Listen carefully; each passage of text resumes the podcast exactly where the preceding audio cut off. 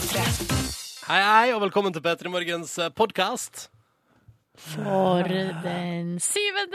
april! 2015. Her skal du få dagens eh, utgave av radioprogrammet P3 Morgen. Og rett etterpå, når vi er ferdig med alt det som har gått på radio, så kommer det altså da et bonusspor kun for deg som hører på podkast. Seks over seks med Four Five Seconds av Rihanna Kanye West og Paul McCartney. Ja, ja, ja. God morgen, skal vi se. Da kjører vi i gang den her. Ronny og Silje starter dagen sammen med deg. Dette er P3 Morgen. Ja, hjertelig velkommen tilbake til hverdagslivet. Og jeg tror at vi i P3 Morgen muligens er hakket for optimistiske når det kommer til det å komme tilbake igjen på jobb. For her er det, det er for eh, Det er gjensynsglede, eh, det er behagelige tilstander, lykkerus.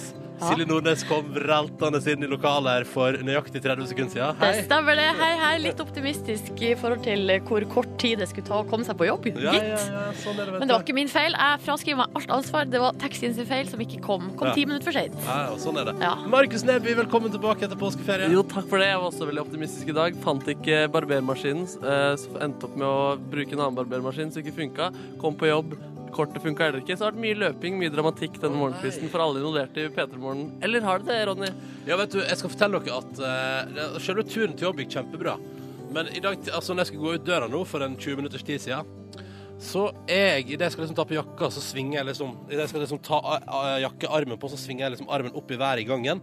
Treffer da Fordi jeg har en sånn lysekroneaktig sak i eller sånn Har du, vent litt, har Nei. du ei lysekrone i gangen? Er du græ... græ Duke Ronny? Duke Ronny, jeg- Baron Ronny? Det er det påsken gjør med folk. Ok, men altså, ok, greit, det er en lampe, og så er det, er det fire lyspærer, og så er det masse jingeljangel som henger rundt der, som egentlig henger igjen etter forrige eier garasjegadda-bytte. Kommer borti en sånn liten sånn, sånn, der, eh, sånn fake glassting, som Ja. da smukker opp i pæra, og tar altså da ikke bare lyset i gangen, men sikringa i hele jævla leiligheten. Nei, men i all verdens navn og rike. ja, altså, det, det var litt dramatikk, da. Men jeg lurer på, altså, den håndbevegelsen du tok hånda i været, var Nei, det men altså, eufori, du- eller du drar, hvordan? Du drar på jakka, ikke så har du liksom armen litt opp, Ja. så kommer den opp sånn, bare for å få på... Ja, sånn, ja, ikke nemlig. Jeg så hva du gikk ut av soverommet og var i pump-up-stemning jeg ser også for meg at Ronny liksom er en kjempe og bor i et bitte, bitte lite hus. Ja, å. Og bare de minste små bevegelser gjør at han bare knuser hele huset sitt. Ja, ja, ja. Derfor er det så rotete hjemme hos deg. Ja, det stemmer. Ganske ryddig nå, faktisk. Jeg får lov til å, øh, å skryte på meg. Velkommen til P3 Morgen. Hyggelig at du der ute er med. Vi syns det er utrolig stas å være tilbake igjen etter påskeferie. Skal catche opp og kose oss fram til ni. Og det vil vi med deg også. Catche opp, altså. P3 til 1987. Fortell oss hvordan har du denne påska der vært, da? Hæ? Ja, fortell oss. vi, altså, vi er en del av den faste gjengen. Du som er der ute nå, er en del av vårt liv hver morgen, og vi er en del av ditt. Og da eh, er det jo på sin plass at du forteller oss hvordan påska har vært. Så skal vi fortelle deg hvordan påska har vært, Fordi det gjør man når man er tilbake igjen i hverdagslivet. Mm. Da prater man om hvordan man har hatt det. Ikke sant? Med gode venner. Ikke sant? ikke Ja. sant? Så det skal vi ta snart. Men først, helt kongelig låt på NRK P3. Dette er fra Jack U og Justin Bieber. Jeg syns den her er et helt eh, nydelig soundtrack, for eksempel til det å sitte på fly. Hør flere podkaster på nrk.no podkast. Riktig god morgen og god eh, tirsdag. Det er altså blitt den 7. april. Dette er P3 Morgen tilbake igjen fra påskeinfernoet, skulle jeg si. uh, og vi vil gjerne høre fra deg, da. Du der ute. Kodord P3 til 1987. Uh, med, altså, vi vil catche opp litt. Hvordan har nå egentlig dette gått? Hvordan har påska vært? Hvordan er det å være tilbake igjen i hverdagen? Alt det man prater om når man er tilbake igjen i livet. Men eh, så før vi dykker inn i SMS-innboksen, Ronny, må jeg bare spørre deg, for at eh, du ga jo en liten oppdatering i stad på, på din morgen, og fortalte at du reiv ned lysekrona i gangen din, eh, sånn at hele eh, sikringa i leiligheta gikk. Ja. Men hvor, altså, eh, hvordan er det hjemme hos deg nå? Er det Nei. helt mørkt, eller fikk du fiksa det før du dro? Nei, altså Sikringa på badet funka, så derfor er det lys. Så, ok- Ja. Ja, eh, og så sa eh, min kjæreste slapp av, jeg fiksa det. Eh, fordi jeg, hadde, jeg var i ferd med å bikke inn i en tidsnød. Du har, bes altså, du har Jeg har, besøk, bes jeg har besøk! og hun tar seg av det. Ja, Så deilig! Ja, ja. Nei, men eh, da kan jeg puste letta ut, for jeg var fordi- litt bekymra. Ja, for det første jeg tenkte når jeg gikk ut av leiligheten og traska bortover gata der jeg bor, uh, for en liten halvtime siden, var Hmm, lurer på hvis sikringa på stova og kjøkkenet har gått. Har da, funker da kjøleskapet? Ikke sant? Godt spørsmål. Mm, ikke dumt tenkt. Og Fryseren òg vil jeg ha bekymra meg Ja, ja, for. for den er jo under kjøleskapet. Ja. ikke sant? Litt, en del av samme skap, da, på et vis. Ja, ikke sant? Ja, ja, for det er kombinert eh, kjøle og fryse, da. Eller- Ja, men så bra. Da har vi, Relativt nyinnkjøpt. da har vi kontroll på det. Ja, ja, ja. Hva driver du med, Markus? Jeg, jeg, jeg, jeg, jeg te- hørte på dere egentlig bare. Bare. og, te- og tenkte at uh, du er en spesiell fyr. Eller sånn, du har dame på besøk, og så bare Du fikser det, du, bitch. Og så drar du på jobb. Det var det, var det jeg satt og fomla litt uh, over. Okay. Men, uh, Men det er jo ikke sanninga. men det er hun som må fikse det. Det er hun som må fikse det. Ja, for Ronny er jo på jobb. Du er på jobb. Tjener penger til husholdningen. Ja, det er sant. Ja. Ja, ja, Skal vi ta en titt inn her, dere? Eller? For her har- SMS-boksen, ja. Ja, Store Tommy han har sendt melding, kodeord P3 til 1987. Velkommen tilbake! Tusen takk, Store Tommy. Og takk eh, likeså. takk Å, likeså. Og han skriver at i ferien så har han holdt på med oppussing i huset, um, og det blir godt å komme tilbake til normalen. Ja. Så ikke noe sånn uh, stor fje- fjellykke der hos Store Nei, Tommy. nei. nei. Store Tommy er en av de som benytter da enhver ferieanledning. Litt sånn som mine foreldre. Eh, og er det ferie på gang, nei, da må vi finne et eller annet vi kan pusse opp. Oh, ja. Eh, sånn er det hjemme hos oss. Så oh, plutselig nei. Nei, nei, nei de, de elsker det. Så plutselig kommer jeg tilbake igjen Men en sommerferie. elsker du det? Nei, altså, jeg, jeg, altså, det er bare sånn, jeg bare noterer meg at jeg kommer hjem igjen, og så er det sommerferie, og ops, der har vi fått ny veranda. ikke sant? Ja. Eller Du trenger ikke å bidra, du. Nei, nei, Og hvis du blir spurt, så gjør du ikke det. Nei! Du sender dama di til det òg. Ja, ja, ja. Hun kan ta det ut til Førde og fikse. Ja, når jeg kommer hjem i Røsland, så er det sånn Å, har dere pussa badet så hyggelig? Eller, Å, nytt vaskerom, stilig. Ja, ja, altså, det, Ja, Man må jo bruke den tida man har, da. ja, ikke sant? Store Tommy valgte å gjøre det. Uh, Jens har også sendt melding og skriver uh, at her, god mandagsmorgen her i Nei, ikke mandag, det er tirsdag i dag. Eh, har han skrevet mandag? Nei, han har skrevet tirsdag, men jeg tenkte mandag. Du var på autopiloten, du. Ja, jeg trodde det var 1. april og greier. Og så skriver Jens da Her i Arendal er det toppstemning etter en fantastisk påskeferie og uh, påskeprosesjon i Malaga. Han har vært i Spaniens eh, land. Men har han vært en del av det der påskekjøret der nede? At han har gått i prosesjon, tenkte Ja, du på. ja, altså, ja. Jeg lurer på om, siden han kanskje var på ferie og var turist, at han har sett på. Ja, kanskje det, ja. Ja. Og kanskje han er sterkt religiøs, og at dette er hans på en måte Det er litt sånn som når eh, du, Silje, for eksempel, da, hadde vært på konsert, hadde vært på konsert med, med Haim, da, for eksempel. Disse tre jentene som du liker så godt. Mm. Så er på en måte at Jens var sånn Og påskeprosesjonen i Malaga, det er hans rockstars, da. Det er hans uh, livsopplevelse, største livsopplevelse. Ja, det kan godt hende det. At, Skjønner dere hva jeg eh, mener her? Hvor jeg vil? Ja, jeg skjønner hva du mener. Ja, ja, ja. Men han skriver også PS. Uka starta med at, uh, at han tenkte på hvor lenge det er igjen til sommerferien. Ja. Hvor lenge er det? Vet dere det? Spørsmålstegn. Og jeg har telt. Oi, Har du der var du rask. Pelt. Det tar, for, for vår del, da, som, da, som skal jobbe ut juni, så er det tolv uker. Det er ikke, og det er mye røde dager inni der også. Ja. Har du telt de også? Nei. Det må jeg gjøre Ja, det, etterpå. det, man får oversikt over Det blir, med andre ord mindre. Ja. Uh, jeg prøvde å finne Vi, har fått, vi fikk et musikkønske på Face, for vi la ut sånn bilde i går kveld. Ja. Her, ja! Ja, ja, ja, ja, ja! Tor Henrik, vet du. Vi la ut bilde på Facebook-sida vår i går med et lite, jeg vil si, eh, et lite eh, Potpurri. En potpurri. Et lite innblikk i våre påskeferier. Både min, eh, Markus og Silje sin eh, ferie. Og så har Tor Henrik skrevet under. Han er med oss i dag på morgenkvisten. Mulig å få en ønskelåt med Keisers Orkestra på morgenen. Hadde vært fint å starte etter ferien med den gjengen. P3. Oh yes, Dette var Keisers med 'Om på til du dør' på NRK P3. Riktig god morgen, du. God morgen! Ja, hvordan går dette her? Nei, jeg synes det går strålende. Ja, ja, ja. Foreløpig. Vi er 23 minutter ut i eh, arbeidsuka og eh, koser oss gløgg. Ja, veldig. Det er jo eh, Og det skal man aldri glemme. Du som våkner akkurat nå, eksempel. Du som eh, har alarmen stående på og tenker sånn Fuck my life. Tilbake igjen til det vanlige. Tenk hvor deilig den der biten med gjensynsglede er på kontor eller skole i dag. da At man kommer tilbake og alle har en eller annen historie å fortelle, og alle er i godt humør over å se hverandre igjen. Og selv om man da er tilbake igjen i den samme tralten, så er jo det veldig digg, da. Ja, absolutt. Syns jeg. Og vi vil jo høre fra deg. Kodeordet P3, nummeret er 1987. Hvordan går det egentlig med deg nå? Post påske, har du hatt en bra ferie? Oi sann! Hva driver du ta og tar bilder, eller hva du holder på med? Han er en Nei. fire i dag, altså. Ronny sitter med mobilen i handa og ta, klikker og taster og styrer på. Instagrammer er på radioen. TV-crew følger han også. Han spiller litt musikk med føttene sine. Det er helt, nei, men det var, bare, det var bare fordi det var det der kommentarfeltet. Det var bare det jeg drev og styret med. Oi, du er på Facebook. Facebook-sida til P3 Morgen. Det er jobb, det er jobb. Ta det med ro. Det er ikke privat. Jeg sitter ikke og skriver bursdagshilsener til deg jeg kjenner som har bursdag i dag og sånn. Det er ikke det jeg driver med.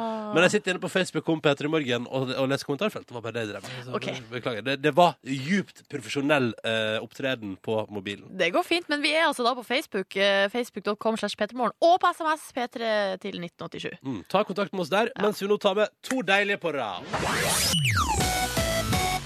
Riktig god morgen og god tirsdag. Vi er tilbake i hverdagen. Tenk det. Å, det er godt!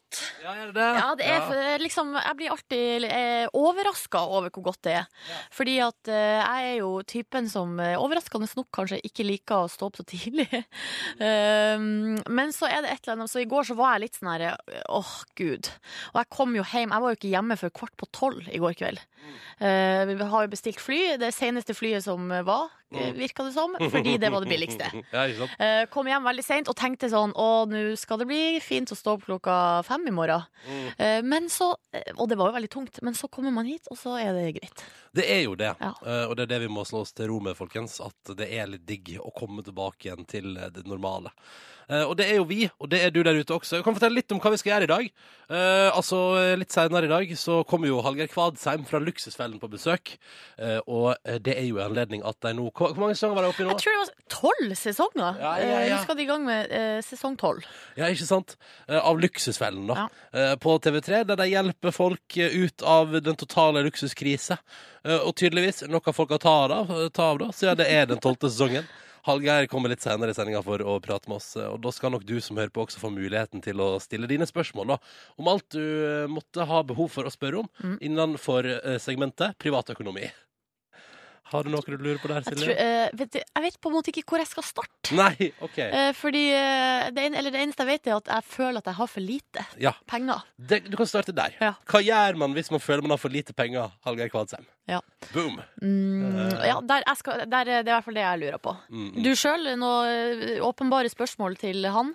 Er det egentlig så farlig å ha kredittkortgjeld, Hallgeir Kvadsheim? Jeg er det ikke sånn at alle, at alle kan leve godt med litt? Grann?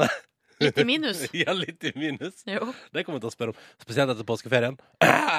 Så det Ja, vi- Jaså, har du gått på en smell, eller? Nei, jeg bare sier at eh, det går an å reise på ferie på relativt kredittorientert kort. Mhm. så, så det er det du har gjort, med andre ord? Ja, det skal jeg love deg at det er. Ok. Verdt det. Og det, var, det, det er det man skal tenke på. Uh, og dette her er jo mitt uh, livsråd til alle.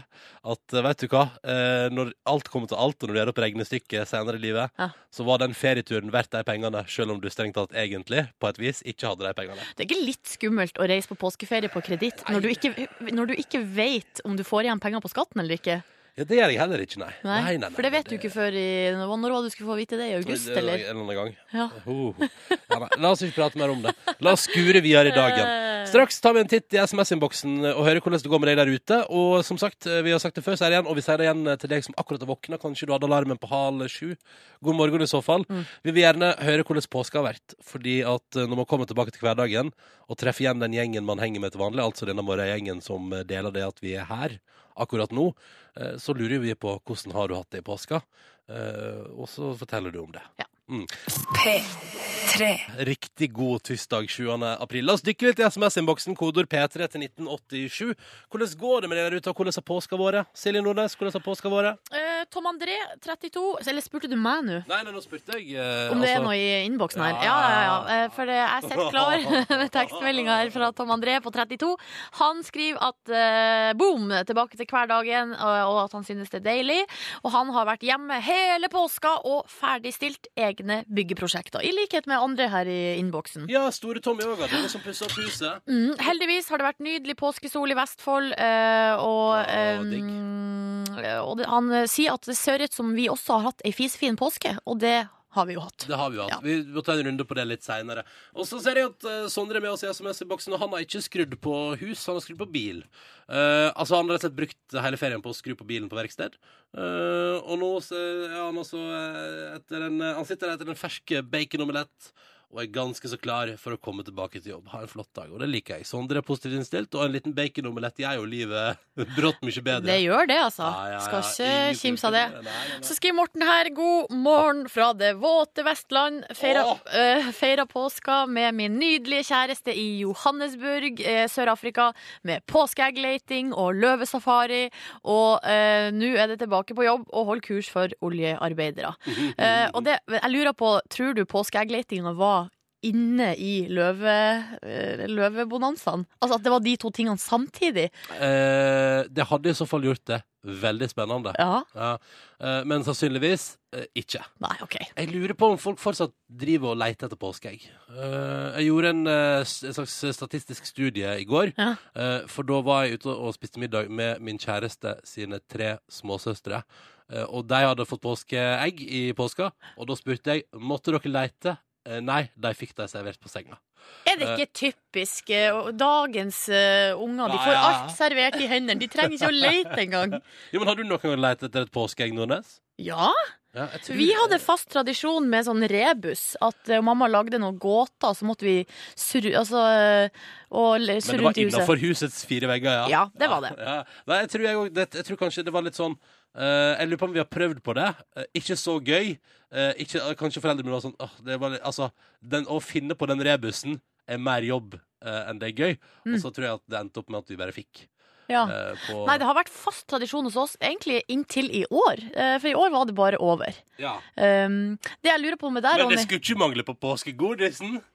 Det var ikke så mye godteri, egentlig. Ah, okay. Ja. Ah, Eh, Streng påske. Nei, ikke noe streng, men, eh, men det jeg lurer på med deg Nå var jo du i Syden, da, men, eh, Ja, men ja. vi husker jo alle sammen med skrekk og gru adventskalender-gate Ja, fra eh, desember, da du plutselig ikke fikk eh, kalender fra mora di. Ja, nei, har jeg ikke hatt på årevis. Det, det, oh, var, det var til jeg flytta ut. Eh, nei, men altså, eller, det som pleide å være var at, Eller det som har vært eh, inntil i fjor, var jo at når jeg kommer hjem til påske, så pleier det alltid å stå et påskeegg eh, på det rommet som jeg bor på i huset. Nei. Som er fylt. Veldig koselig. Men i år var jeg ikke hjemme, så kanskje, men kanskje at de fylte egg i håp om at jeg kom, og så at når jeg kommer neste gang, så eh, Så står det to egg! ja, Nei, nei, det står og venter på meg, da. Ett år gammelt egg. nei, eller bare et par måneder. Ja, for det er sommeren, ja, Ja, selvfølgelig. ja, Mm, mm. ja, nei, jeg skal ikke vente et år med å reise hjem, nei. Nei. Det blir for mye. Uh, ta med en melding fra Stine òg, der som skriver Hei og god morgen. Kom fra New York i går ettermiddag og er lettere jetlagged uh, når jeg nå skal på jobb. Men herregud, så vakkert Norge er, og det lukter så godt! Ha-ha, skriver hun. Ja, for Så- du, vet du, hun har vært liksom i der røyk Eller den der, hva heter det, fukta eh, the Smoggen. Smoggen bare står opp fra eh, under bakken der, og bilene suser forbi. Uh, og når du pusser nesa di, så er alt bare svart. Ja. Det er tegn på, det mener jeg da, er tegn på at du har vært i storbyen. Ja. Og så er det også helt klassisk sånn eh, borte bra, men hjemme best. P3. Kent og deres låt 'Ingenting' på NRK P3. Åtte minutter på sju. Riktig god morgen til deg som er våken og som hører på oss. Vi tenkte vi skulle ta en titt da på forsidene på landets største aviser denne morgenen 7. april, fordi det gir oss et innblikk i nyhetsbildet i dag. Aftenposten skriver på si eh, fors, eh, forside i dag om eh, mattekrav. For de skriver at det er jo et krav om at eh, norsklærere eh, også, eh, lærere, da, skal ha et, et, et, eh, minimumskarakter eh, på fire i matematikk. Mens for eksempel da, mattekravet til sykepleiere er ingenting. Eh, og da skriver de eh, selv om eh, regnefeil på medisinrommet kan få alvorlige konsekvenser, stilles det ingen karakterkrav i matte for å studere til eh, sykepleier. Og det, til det vil jeg bare si at eh, jo, jo, det er interessant sak å ta opp. Jeg tenker middelbart at vet du hva, det jeg trenger hvis at jeg blir syk, så trenger jeg ikke en mattespesialist, eh, en, re en reknemaskin. Jeg trenger et menneske eh, som er til stades der. Og så tror jeg at eh, de fleste vet at man jobber med menneskeliv, og at man derfor da prøver å unngå å rekne feil på medisinrommet der. Det er min umiddelbare tanke, Nordnes. Hva føler du Nei, rundt altså, det er jo ingen som regner feil med vilje. Nei. uh, nei, jeg tenker jo at det, at det skader nok ikke uh, at de sykepleierne som står i medisinrommet og skal regne ut hvor mange tabletter man skal ha, at de på en måte kan regne. Eh, det tror jeg er jo veldig fint. Men, så, men det jeg, jeg på en måte tenker litt på av og til, er eh, hvor mye de karakterene på videregående skal ha å si, fordi at man vet at når du er eh, 16-17-18 år, er drittlei, eh, har ingen motivasjon, eh, den innsatsen du gjør da, eh, trenger ikke å ha så mye å si for hvor smart du er, eksempel, Mm. eller hvor kompetent du blir senere i livet. Men jeg veit jo Ja. etter min videregående innsats at eh, min treer i matte, den var ekstremt berettiga. Ja, Den riktig. var helt på sin plass, og det var, jeg vil gi honnør til læreren som ga meg en treer i matte, fordi det var ikke vits å smøre på der. Der var det bare fakta. Den fortjente du. Den fortjente jeg altså så innmari. Kanskje til og med en toer. Men det som er problemet her, og det står inne i saken, er jo at når de har sånne regneprøver i under, ut, under sykepleierutdanninga, så er det altså opp mot 50% stryk. Og det er jo ikke Altså, det er jo ikke bra nok. Mm. Men jeg regner, håper nå og tror at de sykepleierne som kommer seg gjennom utdanninga, de er kvalifisert. Jeg, jeg vil jo tro det. Og så Ja. tror jeg kanskje at du tenker deg i det da når du stryker på oppregning i løpet av studietida. Så kanskje du gjør en ekstra innsats. Eh, jeg tror ikke karakterkrav nødvendigvis er veien å gå, men det er i hvert fall det som er fokuset på Aftenpostens forside i dag. Er du imot karakterkrav fordi at du sjøl går og tenker på en karriere innenfor eh, sykepleie? Nei, nei, nei, nei. Jeg, bare, jeg, bare, jeg tenker at jeg er ikke karakterene som bedømmer et menneske nødvendigvis. Boomshake! Ronny, du, det har du så rett i! Du er så smart. Um, Forsida av VG. Her står det 'Ny stor studie. Dette gjør alkohol med kroppen din'. Tror du det er tilfeldig at det kommer dagen etter påske? Jeg har drukket alkohol relativt ofte i påska, skal jeg være helt ærlig. Det, uh, Ut ifra sosiale medier, så tror, altså, altså, det her er bare mitt inntrykk, så tror jeg ikke at du er den eneste. Og da kan jeg nå skuffe dere alle sammen, uh, inkludert meg sjøl. Her står det et glass sunt eller ikke. Eh, og her står det Har du unna deg et ekstra glass rødvin i påska eh, med unnskyldninger om at det bare er sunt? Omfattende studie viser nemlig at de fleste positive effekter av alkohol er kraftig overvurdert. kraftig det var overvurdert. utrolig strengt. Eh, Blant annet for eksempel, da, her står det Mange tror kanskje at alkohol hjelper til så man klarer å slappe av, eh, altså at det motvirker stress. Eh, Men alkohol øker konsentrasjonen av stresshormonet kortisol, som kan gi en rekke helskes- helseskadelige effekter over tid. Ah. Så det var liksom dårlig nyhet, da. Men da setter vi fyr på den avisa og later som det aldri skjedde, Ja. og ønsker alle sammen en god tirsdag med litt grann Matoma på eh, P3. P3. Du fikk servert eh, låta deres her i P3 Morgen, som altså er tilbake igjen i normalt gjenge etter påskeferie. Og det føles godt å være tilbake. Hva sier du, Ja, Silje Nordnes? Helt enig. Det er godt. Meget Sjøl heter jeg Ronny. Hallo, hallo. Hyggelig å være her. Nå skal vi arrangere konkurranse, tenkte vi, her i radioen din, som vi ofte gjør rett over klokka sju. Enkelt og greit. Så lenge det blir svart riktig, går vi videre. For at vi skal ende opp med premier på tampen av konkurransen, må alle deltakere og alle spørsmål bli besvart korrekt. La oss helse på deltaker nummer én, da. Hei, Lars. God dag. God dag, god dag. Jobber som rørlegger i hovedstaden. Gjør det. Ja, hvor er du akkurat nå, Lars? Akkurat nå så skal jeg få vekk ungene, og så skal jeg få dem ut av huset, og så skal jeg på jobb. Ja. Aha, aha. Men det jeg lurer på, eh, Lars, er hva har du gjort i påska? Vært på fjellet. Ja. Ja. Mer spesifikt, og hvor, hvor er fjellet? Åh, nei, altså, jeg har vært eh, Dagali. Dagali. Egen hytte eller leid, eller hvordan var ståa der? Vi var leid. Men innfridde det eh, dine forventninger? Å, ja. Å, ja. Å, ja. Ja. Men du, vi har snakka litt om sånn eh, påskeeggleiting. Er det noe du har bedrevet med? Eller, i hvert fall, eller gjemt noe egg for noen andre, eller? Nei, det har kona og tanta, tanta stått for. Ja. Jeg har vært med og hjulpet til å spise påskeegg, vet du. Ja, ja, ja, ja. Du har tatt av spisinga, det er bra. Veldig bra, veldig bra. ikke, ikke- ikke all, men som pappa så må du hjelpe til litt. Ja. Ja, ja, klart det. Eh, Velkommen skal du være, og velkommen også til deltaker nummer to. Kristin, hallo. Hallo, ja. Hei, hei. Da skal vi fra Oslo til Trondheim. Hvordan har din påskeferie vært?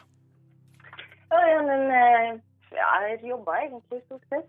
Noen dager på fjellet, men ellers er det jobbing. Ikke sant. Eh, la oss nå gå eh, inn på det her også. Har du vært borti påskeeggjakt i eh, ferien? Eh, ikke i år. Jeg har pleid å gjemme det til dattera mi før, men eh, ikke, ikke i år. Ikke i år. Bare, nei. Nei, OK. Hva var det som uh, jo, førte til den endringen i tradisjonen? Nei, jeg tror det var mest det at vi skulle på jobb. Bare å gi det rett i hånda på, tenker jeg. Ja, ja, ja. Ja. Da stikker jeg på jobb her, så her har du et lass med godteri. Vær så god, og god påsk. Vel-. Velkommen til konkurransen vår, du også. La oss bare sette i gang. Første spørsmål går jo til Lars, da. Og det er jo sånn at du må svare riktig på dette her. Det Vi bare kjører på. I går var det altså da sesongstart for den øverste divisjonen i eh, norsk herrefotball. Vi lurer på hva er navnet på serien, altså den øverste der, i eh, norsk fotball? Tenker du på Tippeligaen? Ja, det gjør jeg for så vidt. jeg vil si at både det og Eliteserien er godkjent, så vi sier oh yes. Lars unnagjorde det på to sekunder. Det er sånn det skal gjøres. Nydelig. Flaks. Flaks. Flaks. Men så er det jo sånn, da, at eh, det blir jo ikke premie på noen med mindre alt blir besvart riktig her. Så nå ligger jo alt presset på Kristin. Er du klar? Jeg er klar. Det er bra. Da kjører vi. Storkjendiser knytter ofte romantiske bånd. Slik begynner spørsmålet. Vi skal altså inn i kjendiser og romantikk eh, og den verdenen der. Og så er det sånn at man gifter seg, og vi lurer enkelt og greit på hvilket ektepar er det vi prater om når vi hiver ut kallenavn som Porsche og Bex. Det må nå være Victoria Beckham og han eh, Og hva heter han, da? Ja, hva heter han, da? Hva heter mannen? David Beckham. Jeg liker at våre eh, deltakere i dag de feirer så, så, så beskjedent. Juhu! Party! OK, to av tre spørsmål i konkurransen er besvart eh, riktig. I enden der ligger det da eh, valgmuligheten for både Lars og Kristin mellom ei P3 Morgen morgenkåpe, flott og deilig og mjuk, eller et DAB-adapter som man kan plugge i bilen, og så får man skurrefri radio hvor enn man reiser. Eh, Men vi har altså ett spørsmål igjen. Og nå er det jo sånn da at det eh, er jo den deilige lille tvisten på tampen av konkurransen som gjør at jeg nå eh, går fra normal kroppstemperatur på håndflatene ned til litt under og kjenner at jeg begynner å svette litt.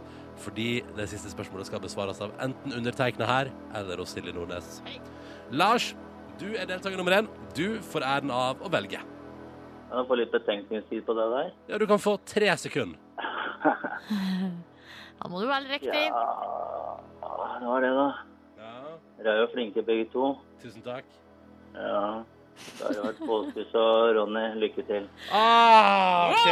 Hard start. Ronny! Ronny! Hard start etter ferien. Da- Meget hard start etter ferien. Dette var ikke jeg forberedt på. I like måte. Takk skal du ha, Lars. OK, da drar vi ned lyden på Lars og Kristin, så de ikke kan hjelpe meg.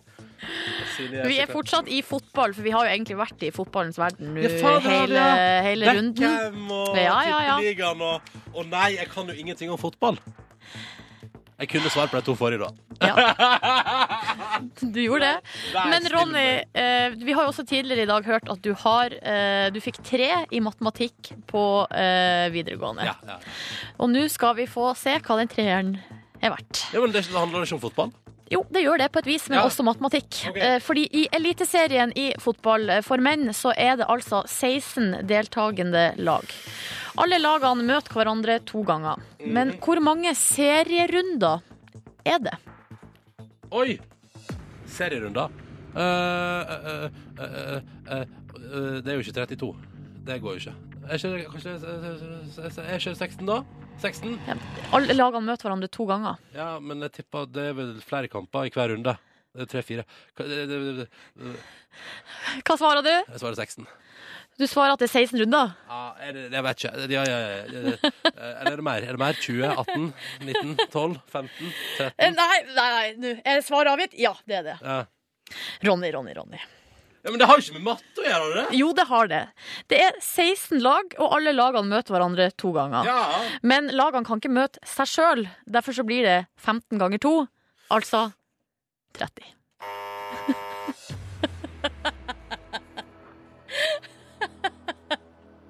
Det var artig.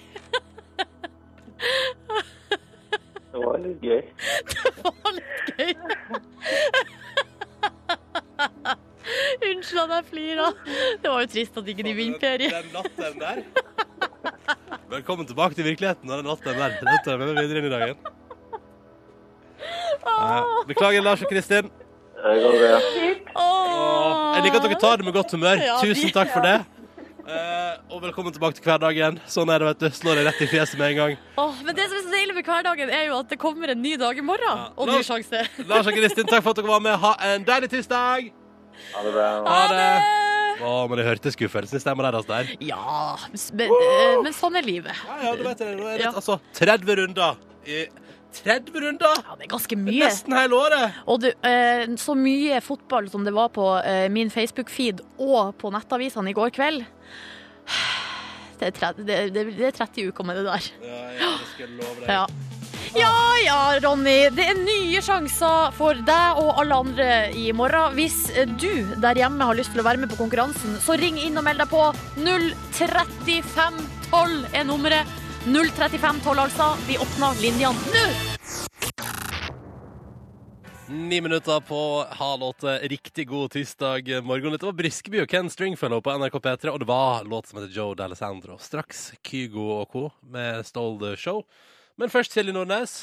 Ei historie om kjærligheten. Å, så vakkert. Og om, eller om kjærlighet og uh, et, a true match made in heaven, og kanskje det som er uh, skjebnen. For tror du på skjebnen, Ronny? Ja, ja, ja. ja. Du gjør det? Ja, jeg tror på at det er altså At det er et eller annet, eh, en eller annen kraft der ute. Når man ikke er så god i matematikk, så må man tro på andre ting. En høyere makt ja, som eh, styrer oss i riktig retning? Ja, ikke nødvendigvis Gud, men at universet har et eller annet på lager som Ja. vi ikke vet om. Ja, det setter jeg veldig pris på hvis det er sant. Eh, det virker som at universet har en eller annen plan på lager, og at universet også har litt humor. Eh, når eh, jeg nå skal viderebringe denne historien som jeg finner på tv2.no. Fordi det er et par eller, altså, som nå har forlova seg. De har kjent hverandre siden de var bitte små, og nå har de forlova seg. Det som er spesielt, er, Ronny at de, he de her har altså gått på barneskoler i lag. Mm. nå er de 23 og 24 år gamle og skal gifte seg. Stopp, stopp, stopp det der. Ja. Foreløpig er det ingenting veldig spesielt over dette. For jeg vet om uh, mennesker som har kjent hverandre siden barneskolen, og som er lykkelig gift. Men uh, greia er at eh, de her to har på en måte blitt kobla sammen eh, veldig lenge, men ikke vært kjærester før liksom i seinere tid. Ja. Eh, men grunnen til at de to har blitt eh, på en måte kobla sammen, er fordi eh, de to som skal gifte seg, er Joel Berger og Ashley King. de heter Joel Burger og Ashley King. Altså Burger King.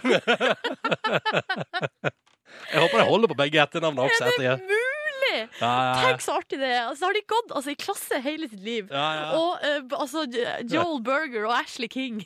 og så har de uh, senere tid altså forelska seg, og nå skal de gifte seg. Nei, det, da skjønner jeg hva du mener. Her har skjebnen rikelig med humor. Ja, og eh, paret kan altså avsløre at de har en plan om å servere drikke i Burger King Bagger eh, i bryllupet med gjestene sitt navn på sida.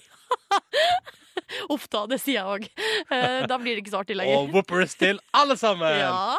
Godt giftermål. Tror du det er noe chili cheese til forrett? Å, du, det har vært veldig deilig nå. Det er ganske godt, da. Og så milkshake til dessert. Nei, da trenger man ikke mer for et lykkelig ekteskap. Gratulerer så mye til dere, begge to. Joel Berger og Ashley King. P3. Riktig god morgen. Silje Nordnes er i huset. Jeps. Markus Neby er i huset. Boom. Og Ronny Brede Aase er i huset, ikke minst. Jeg skal love deg at jeg er Og nå skal det skammes. Uff a meg. Ja, nei, vi, vi kjører på. Vi kjører på.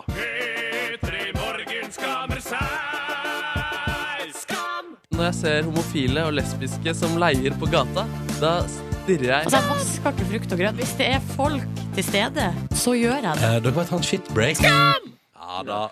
Nydelig kjenningsmelodi komponert og framført av Markus Neby. Jo, takk for det. Eh. Eh, Det jeg tenker er deilig med skam nå, er at vi har blitt påminnet budskapet om at Jesus døde for alvor og synder i påsken, så at det er greit eh, å skamme seg. Jeg skal skamme meg.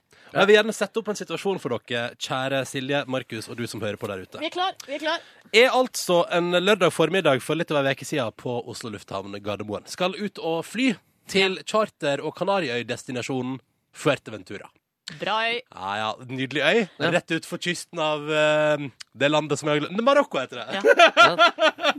Bra land. Og kunne skamme meg over at jeg ikke skjønte at sola var sterk, også når det overskya av at jeg var kjempesolbrent hele veka, men det er ikke det. Kvelden før så har jeg og min kjæreste i min leilighet i hovedstaden eh, laga eh, nachos. Eh, det jeg ikke legger merke til før jeg tar på jakka mi igjen etter å ha vært gjennom sikkerhetskontrollen, er at jakka mi stinker tacos. Oi. Det lukter altså enormt tacos. Ja. Bare ha det i bakhodet nå for det som Og det her er lørdags formiddag. Ja, ja, ja. Og det er rush på Gardermoen. Det har nettopp vært påskerush. Det er kaos, liksom. Vi går gjennom bokhandelen uh, og ser på et par bøker, jeg og min kjæreste. Uh, ender opp på hylla for brettspill, og så sier hun 'Skulle ikke kjøpt yatzy', da? Og så sier jeg sånn 'Å, yatzy er gøy'. Så står vi der med yatzy i hendene og på en måte har droppa den litteraturbiten. Står med yatzy i hendene. Idet en herremann kommer bort uh, og hilser på. Eh, og sier 'hei, hei, takk for sist'.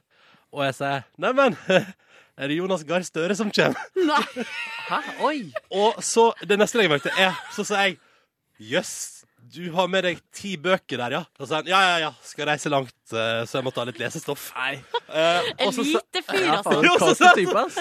så sier jeg sånn Å ja, hvor du skal reise hen, da? Nei, jeg skal en liten tur til Jerusalem. Og så sier han Og dere, da? Og den skammen man føler når vi står der med yatzy. Han står der med ti bøker. Han skal til Jerusalem, og vi må svare Nei, vi skal til Fuerteventura. Og, og han bare Å ja, sol eh, ja. Og så lukta du taco Og så stinker jeg taco! Fader, men Altså, så, typ, så jeg stinka taco, sånn at det liksom lå et teppe med taco bak meg i hele avgangshallen, og kjæresten min holdt på å få latterkrampe av tanke på at Jonas Gahr Støre kom bortom, og lederen for Arbeiderpartiet altså står og sniffer inn eh, tacorestene mine på et vis. Eh, og så Men også, så, så skammer du deg over det? Ja, litt over, og det er det jeg skammer meg egentlig over at jeg skammer meg over. Fordi vi ble altså så rødmende og flaue begge to av at vi står der med yatzyen vår. Han kommer bortom med ti bøker. Han skal til Jerusalem, vi skal til Fuerteventura. ja, jeg tenker at han må skamme seg. Eller for Nei, en ufyselig type som kommer der med ti bøker til Ronny, som han sikkert kjente tacoluften fra 20 meter unna, liksom. Og skal gni inn at han skal til Jerusalem, og du skal til Marokko. eh, sånn. Ufyselig mann, altså. Nei, men, Rod men Ronny må jo ikke, han må jo ikke ta, skamme seg over å være en vanlig fyr. Nei, for det, men det, det bare følt, men det bare følt meg så utrolig på en måte mindre til stede i det samfunnet jeg lever i når han skal til Jerusalem og jeg skal på chartertur. Nei, men det er jo Eh. påske! Det er jo en vanlig destinasjon å dra til Kanariøyene. Jo, men som sagt, jeg skammer meg jo egentlig over at jeg Ja. skammer meg over at jeg, Altså, jeg skammer meg over at jeg ble flau i det øyeblikket, fordi Det burde jats, du gjøre. For yatzy, folkens, Ja. er kjempegøy. Ja, ja. Og vi endte jo opp med å ikke kjøpe yatzy fordi Jonas Gahr Støre hadde kommet forbi med ti bøker. Ja, Ja. det burde du skamme deg over. Ja, Ja. det det burde skal skal... Men, men den tacolufta, så utrolig ekkelt, egentlig. Eller det, da skamte, skamte du vel ganske lenge før det også? Fordi Jonas Gahr Støre han lukta vel kjempegodt. Ja, ja, Han bare dufta sånn nydelig. ny- Nydusja mann, ny dress. Det var sånn Ny han ble leder for Arbeiderpartiet. Ja. P3. Dette der var Oslo SD og Bislett Stadion på NRK P3. Snart skal vi spille Ed Sheeran og Rudimental også med Bloodstream, men aller først Velkommen til oss, Hallgeir Kvadsheim! Takk skal du ha. God morgen og god morgen. God morgen. Eh, og velkommen tilbake til hverdagen etter påskeferie. Takk skal du ha. Hvordan er det for deg? Å, det er like hardt for meg som uh, alle andre. Eh, Jeg liker ferie, og jeg er et B-menneske. Så denne kombinasjonen her, å komme tilbake og tidlig på morgenen, den er, Hard. den er veldig hard. Hva har du gjort i ferien, da? Du, eh, Vanligvis så, så reiser vi opp på fjellet på hytta. Men akkurat denne ferien her, altså i år, så har jeg reist tilbake ja, til min barndomsdal. Eller, eller dal, jeg er jo ikke født i en dal. Jeg, tilbake på Jæren. Ja. Eh, hvor vi har besøkt familie og gått masse på stranda. Det var, så fint vær. og ja, kost Men du har ikke bada? Vi har vassa, ikke okay, bada, ja. ja. Men har du surfa? Nei. For det går jo an å gjøre der. Det går absolutt an. Jeg, eh, jeg gjør det, men Ja. ikke, ikke så Driver du med surfing? Ja, litt så. Er det Mm, sant? mm. Ja, ja, jeg tenker Jeg kommer fra den, en av de beste plassene De sier at den beste plassen på, i hele Norden, som heter Kvassheim. Som eh, når, når forholdet er riktige, er det, det gir de beste bølgene i eh, hele Norden. Ikke at jeg eh, prøver det. Så god er jeg ikke. Men du slår meg liksom ikke som den typiske sånn her surfeduden, på en måte. Som Jeg er sånn jeg. ja, jo, Kanskje du er det, men jeg har liksom ikke tenkt over det før. Nei da. Det er noe med mangelen på det lange, blonde håret, tenker Ja. jeg. Ja. Det, det, Ja, eller, bare, eller bare det at du liksom At du eh, rydder opp Jeg føler at du rydder opp i livet til mange surfere i luksusfellen. Hvis du skjønner hva jeg mener. Ja, det er vel kanskje ikke den der avslappa surfelivsstilen som jeg på en måte forbinder med det å rydde opp i andres økonomi. Nei, ikke sant? En har hatt mange aspekter i livet sitt. Ja. Mm. Men dere er altså inne i tolvte sesong av Luksusfellen. Ja, det er Eh, riktig. så da kan vi vel eh, ut ifra det eh, bare konkludere med at det er nok av folk som sliter med økonomien i det landet her. Ja, det er det. Ja. Mm. Men er det sånn, når man da går i gang med en ny sesong, tenker du sånn Er det mer å ta av? Eller er det sånn Jeg veit at det er nok å ta av, på en måte? Ja, jeg vet at det er nok å ta av. Jeg gjør nok det. Um, vi representerer, eller viser jo bare toppen av isfjellet, faktisk. Eh, det er fryktelig mange der ute som, som eh, sliter og har problemer som ikke nødvendigvis kan løses heller i et eh, TV-program. Så vi viser bare litt av det. Du, eh, vi, pratet så vidt om det tidligere i Petter i morgen i dag, hva vi tenkte vi liksom hadde lyst til å spørre deg om. Og da går det bare til mitt spørsmål.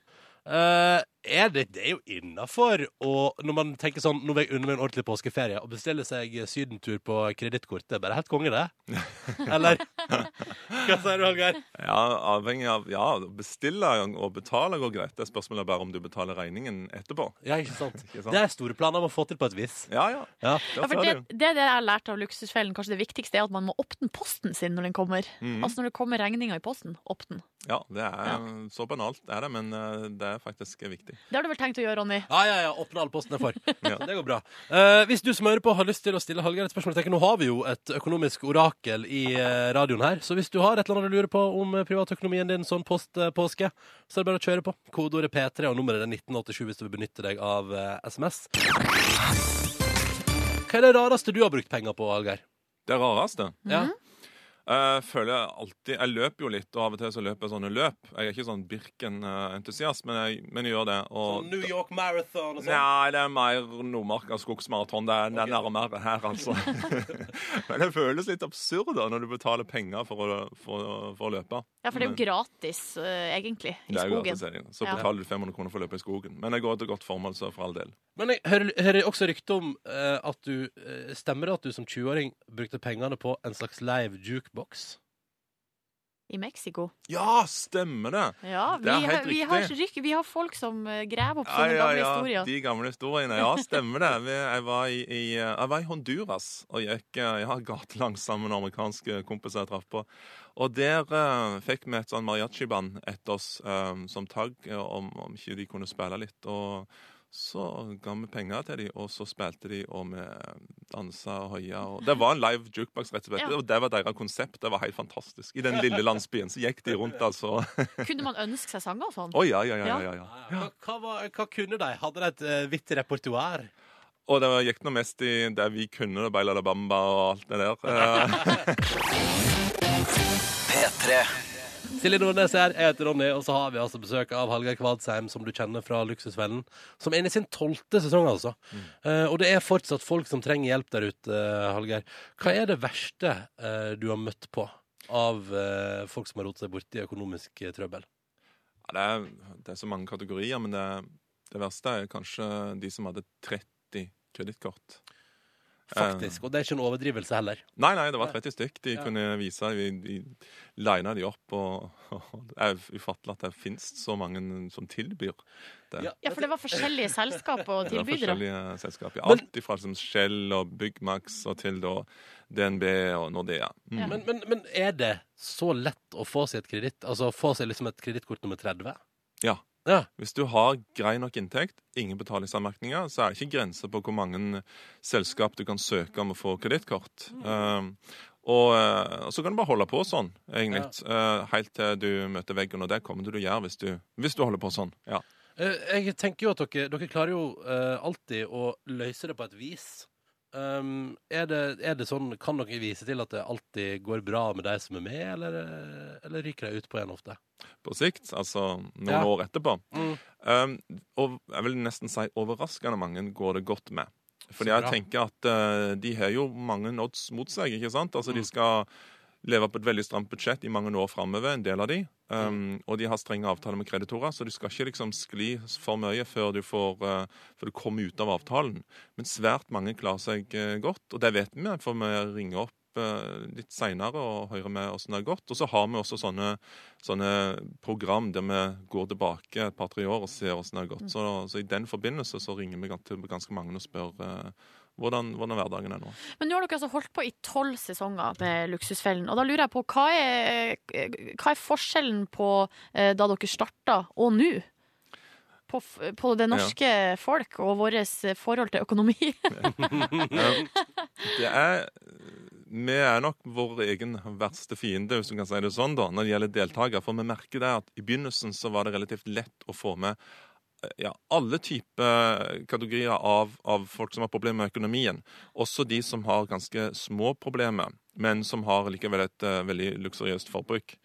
Og de uh, du, de ser på luksushølen, så de har skjønt mange av rådene, eller bruker mange av rådene som vi har gitt. Så de ordner opp sjøl og søker ikke oss. Sånn at vi får mer og kompliserte saker nå enn vi gjorde før. Og det er jo for så vidt bra, da, men Ja, eh, ja, det skaper problemer for oss. Men, men er det lett å være Hallgeir Kvadsheim og ringe til eh, banken til der du hjelper og si sånn Hei, hei, det er Hallgeir fra Luksusfellen her. Får man ordna, Er det lettere å ordne opp i trøbbel? Og det har jeg alltid lurt på. Ja, både òg. Både og. Ja, fordi at det, det er klart at banken tenker jo at uh, hvis vi gir en spesielt god løsning til disse, disse folka her, så risikerer vi at ti andre står utenfor uh, banklokalet neste dag og skal ha akkurat den samme løsningen. Ja, sånn at de vil, jo ikke, de vil jo ikke gi en løsning som, uh, som er så god at den ikke er mulig å bruke på andre. Ja, sånn, ja. Mm.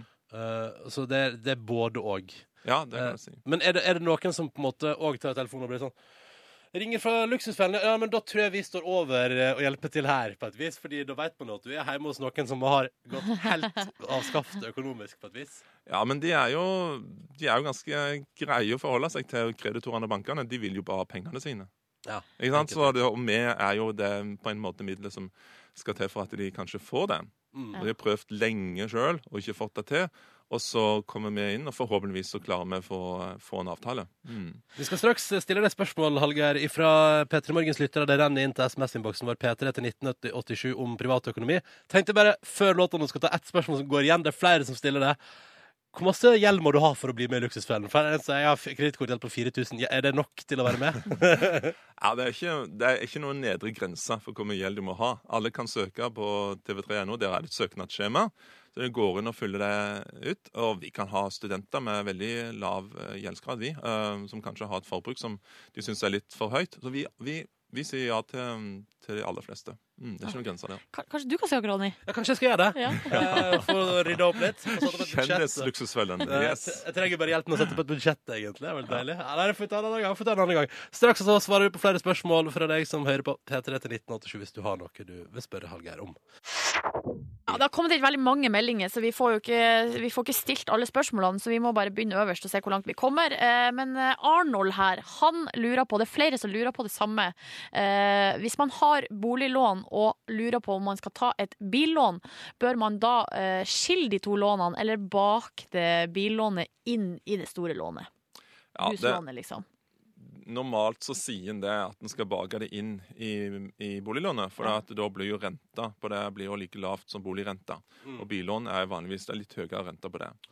Samtidig så er det jo noen argumenter for å beholde det som separat lån. Og det er jo det at normalt så vil du da Altså Det er noe med disiplin og sånt. eh, at du da vil kunne betale det billånet raskere ned enn vil du, det du gjør hvis du baker det inn. For da har du et separat lån. ikke sant? Du vet Ja. hver eneste måned skal jeg betale maks på det.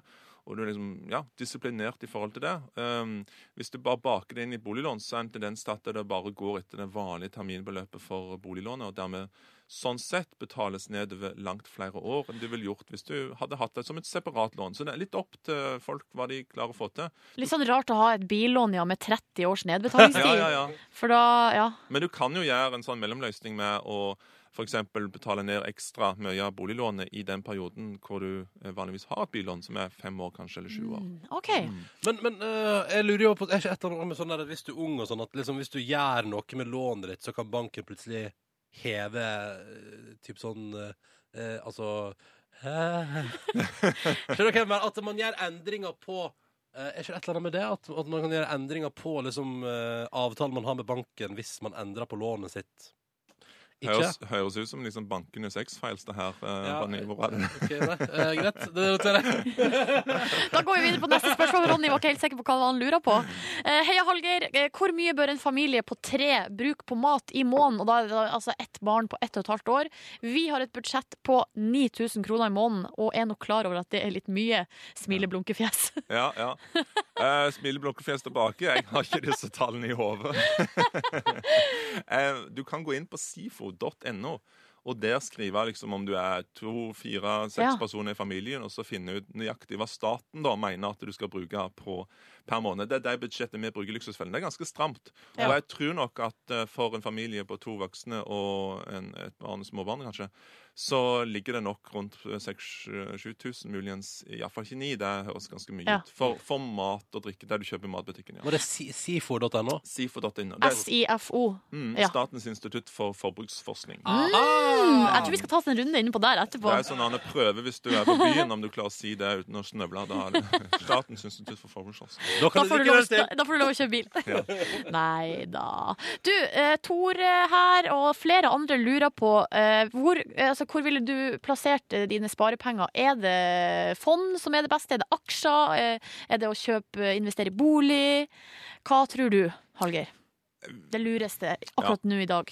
Ja, jeg er veldig positiv til boligmarkedet, også framover. Jeg tror Oi, ikke det, ja, ja. Jeg tror ikke vi skal komme i en sånn uh, stor knekk, jeg. Men uh, så hvis han lurer på, og hvis det er snakk om å investere i sin første bolig, så er det kan like så godt hoppe ned fra, fra gjerdet nå som å vente. Men uh, hvis det er mer snakk om langsiktige penger eh, han bør ha ja, minst fem, helst ti års sparehorisont for å investere f.eks. i aksjefond. Ja. Uh, så Du bør ha muligheten til å kunne ha pengene stående der. ja, år, ikke liksom. sant. Ja. Så hvis han allerede har kjøpt en bolig, er fornøyd med den og skal bo der noen år, og har ekstra penger, så, og du har ja, kanskje opp mot ti års horisont, så vil jeg nok putte det i aksjefond, ja. Men aksjefond eh, Ja, ja, nettopp. Jeg sparer i fond, jeg er så fornøyd. Ja, du er det, ja? Yes! Ah, Silje Men det er så Nordnes, fristende å ta de ut. Altså, sånn, for jeg sparer det 500 kroner i måneden. Mm. Eh, og det er jo lite, egentlig. Det merkes ikke. Men den summen øker jo. Jeg ser jo at den øker. Ja. Men så har jeg lyst til å ta de ut, Ja, ja, ja, ja. og kjøpe meg noe fint. Ja, Og, men så sier du ja. sånn ti, års horisont og Mm. sånn, og da, da kan man jo ikke ta de ut, for da ødelegger man jo alt. Ja, en risikerer det. For det, det vil gå opp, det vil gå ned. Det er, aksjemarkedet kan synke med 40% på et år. Eh, og da er det viktig å, at du, hvis du bare er der lenge nok, så vil, du nok, eh, så vil snittet være bedre enn du hadde det i banken. Så skal det også sies at eh, du bør også ha bygd deg opp det vi kaller en liten bufferkonto. Det er første steg i sparinga di. At du legger av kanskje en klarer spare si en månedslønn da, på en separat sparekonto, eller at du har en buffer på lånet som gjør at hvis eh, bilen må på verksted, du må til tannlegen, og du får en vannlekkasje, og det skjer kanskje i samme måned, så har du pengene eh, disponibelt sjøl på noen få dager varsel, iallfall, og ikke må ty til kredittkort, forbrukslån eller what have you. Men av og til lurer på hva er det som skal til egentlig for å forsyne seg fra den bufferkontoen. Fordi eh, eh, jeg forsynte meg her før påske, kjøpte vitrineskap. Er det innafor? Vitrineskap. Ja. På Ikea. Eh, I definisjonen av bufferkonto så tror jeg vitrineskapet er ja, rett utenfor. ja. Okay. Det. Rett utenfor, ja. ja. Det er, min, det er min store ambisjon. Jeg tenker sånn, Innen jeg fyller 30, så skal jeg ha bufferkonto. Og det drømmer jeg om. En konto der jeg har ekstra penger. Det blir stas. Ja, det må du henge i, for det er ikke så lenge til. Nei, det stemmer. Uh, OK, avslutningsvis, Hallgeir. Siste spørsmål, og det viktigste. Er pengene på tavla ekte? De er ekte. Vi får ikke lov til å vise eller bruke falske penger, Og- så de er ekte. Hvordan får man festa de til tavla? Med små magneter bak sedlene og magnetisk tavle. Og siste spørsmål. Hvem er det som tar vare på pengene mellom opptak? Iallfall ikke meg. For du, du, du, du vil ikke ha det Nei, jeg er så distré at de 80 000 hadde antagelig vært på ei ferje eh, oppe i Nordmøre nå, altså.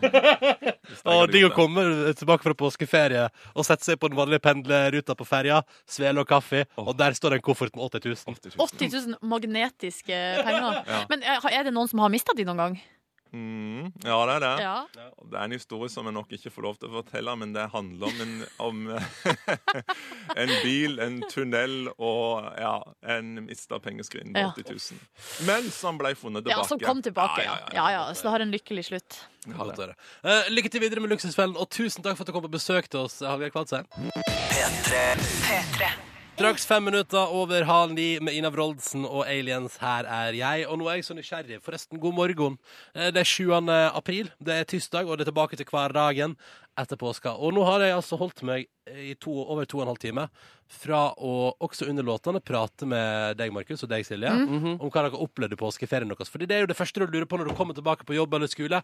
Hva har de andre drevet med? Hva har skjedd der egentlig? Silje Nordnes, Ja. nå, nå får jeg endelig svar på det. Hva har du gjort på i påska? Hvor, hvor skal jeg begynne, Fordi eh, man har jo opplevd så mye. Ja. Stedplassering. Eh, Jeg var altså først, så- Vi hadde jo to uker, så jeg var jo først i Oslobyen og så var jeg på Elverum og passa unge. Eh, med, til, var ekstremt nervøs. Klarte det. Du klarte det? Ungen eh, overlevde.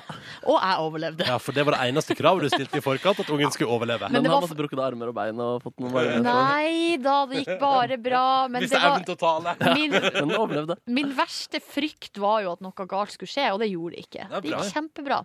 Og så eh, brukte jeg resten av den uka på å vaske vinduer. Altså planlegge, eh, motivere meg, eh, kjøpe utstyr, vask. Og jeg har altså aldri vært så fornøyd med meg sjøl i hele mitt liv. Ja, fordi du, du pleier jo å sovne før du skal vaske, og det gjorde du ikke i påskeferien. Men det var ferie, ikke sant? så jeg var uthvilt. Ja, ja, Og så dro jeg hjem til Hamarøy, og da vil jeg eh, trekke fram på en måte et, eh, en, en ting som har definert årets påskeferie. Altså, familien Reiten Nordnes har uh, endra TV-vanene fordi hun mamma og pappa har oppdaga Netflix. Oh, ja. Oi, yes. Så jeg kom, ja, jeg kom, fram, kom hjem til følgende sjokkerende nyhet. De har oppdaga Netflix og fenomenet binge-watching. Oh, ja. Så de hadde helga før sett seks episoder av Homeland på rad eh, til klokka halv fire på natta. Å ja, ja, ja, ja. så, vi har ikke sett lineær TV det hele tatt i Alt har gått på Netflix. Alt, ja, eller HBO, vi har så, på True Detective som påskekrim, Ja. eh, og ellers bare sett ja, eh, Ikke sett så mye TV, da, men eh, alt har gått på over streamingtjenester. Altså det, jeg tror jeg hadde blitt litt trist av det, for det jeg syns er deilig med å komme hjem til mine foreldre, er å se på lineær TV, som jeg ikke syns er gøy. Men her kan man altså velge selv. At ting kommer på et gitt tidspunkt, ja. Ja. ja men så fin påske, da. Ja, det var helt fint. Også i tillegg til det så har jeg, gikk jeg tur hver dag. Digg. Ja. Gratulerer så mye. Takk for det. Du har vasket, passet unger og gått tur. Ja. Og Ja. bruker, jeg, er blitt, jeg er jo ei gammel dame, Markus. Det Ja. vet du jo. Men hva har ungdommen gjort, da? Vil du høre hva ungdommen har gjort? Ja. Jeg, har vært, altså, jeg tok jo da altså et uh, fly til Fuerteventura. Kanariøyene. Skal jeg love deg. Der opplevde jeg Jeg har med litt lyd, da. Ja. Uh, I tillegg til sol. Uh, veldig flott steikende sol på dagtid. Fryktelig kaldt i vinden der på kveldstid, hvis jeg skal være noe helt ærlig. Yes. Eh, og så la jeg et sånt bilde på Instagram av at jeg bada og kosa meg Mhm. eh, i et basseng. Lite visste jeg at akkurat idet det bildet ble tatt, så starta da den enorme solbrentheten på skuldrene og gjøre seg gjeldende. Det skal jeg svipe for i flere dager. Men ja, eh, i tillegg, hva har jeg opplevd på Ja. Fuerteventura, spør dere. I tillegg til Ja. solbading, eh, solkreminnsmøring, aftersun-innsmøring. Har opplevd livemusikk.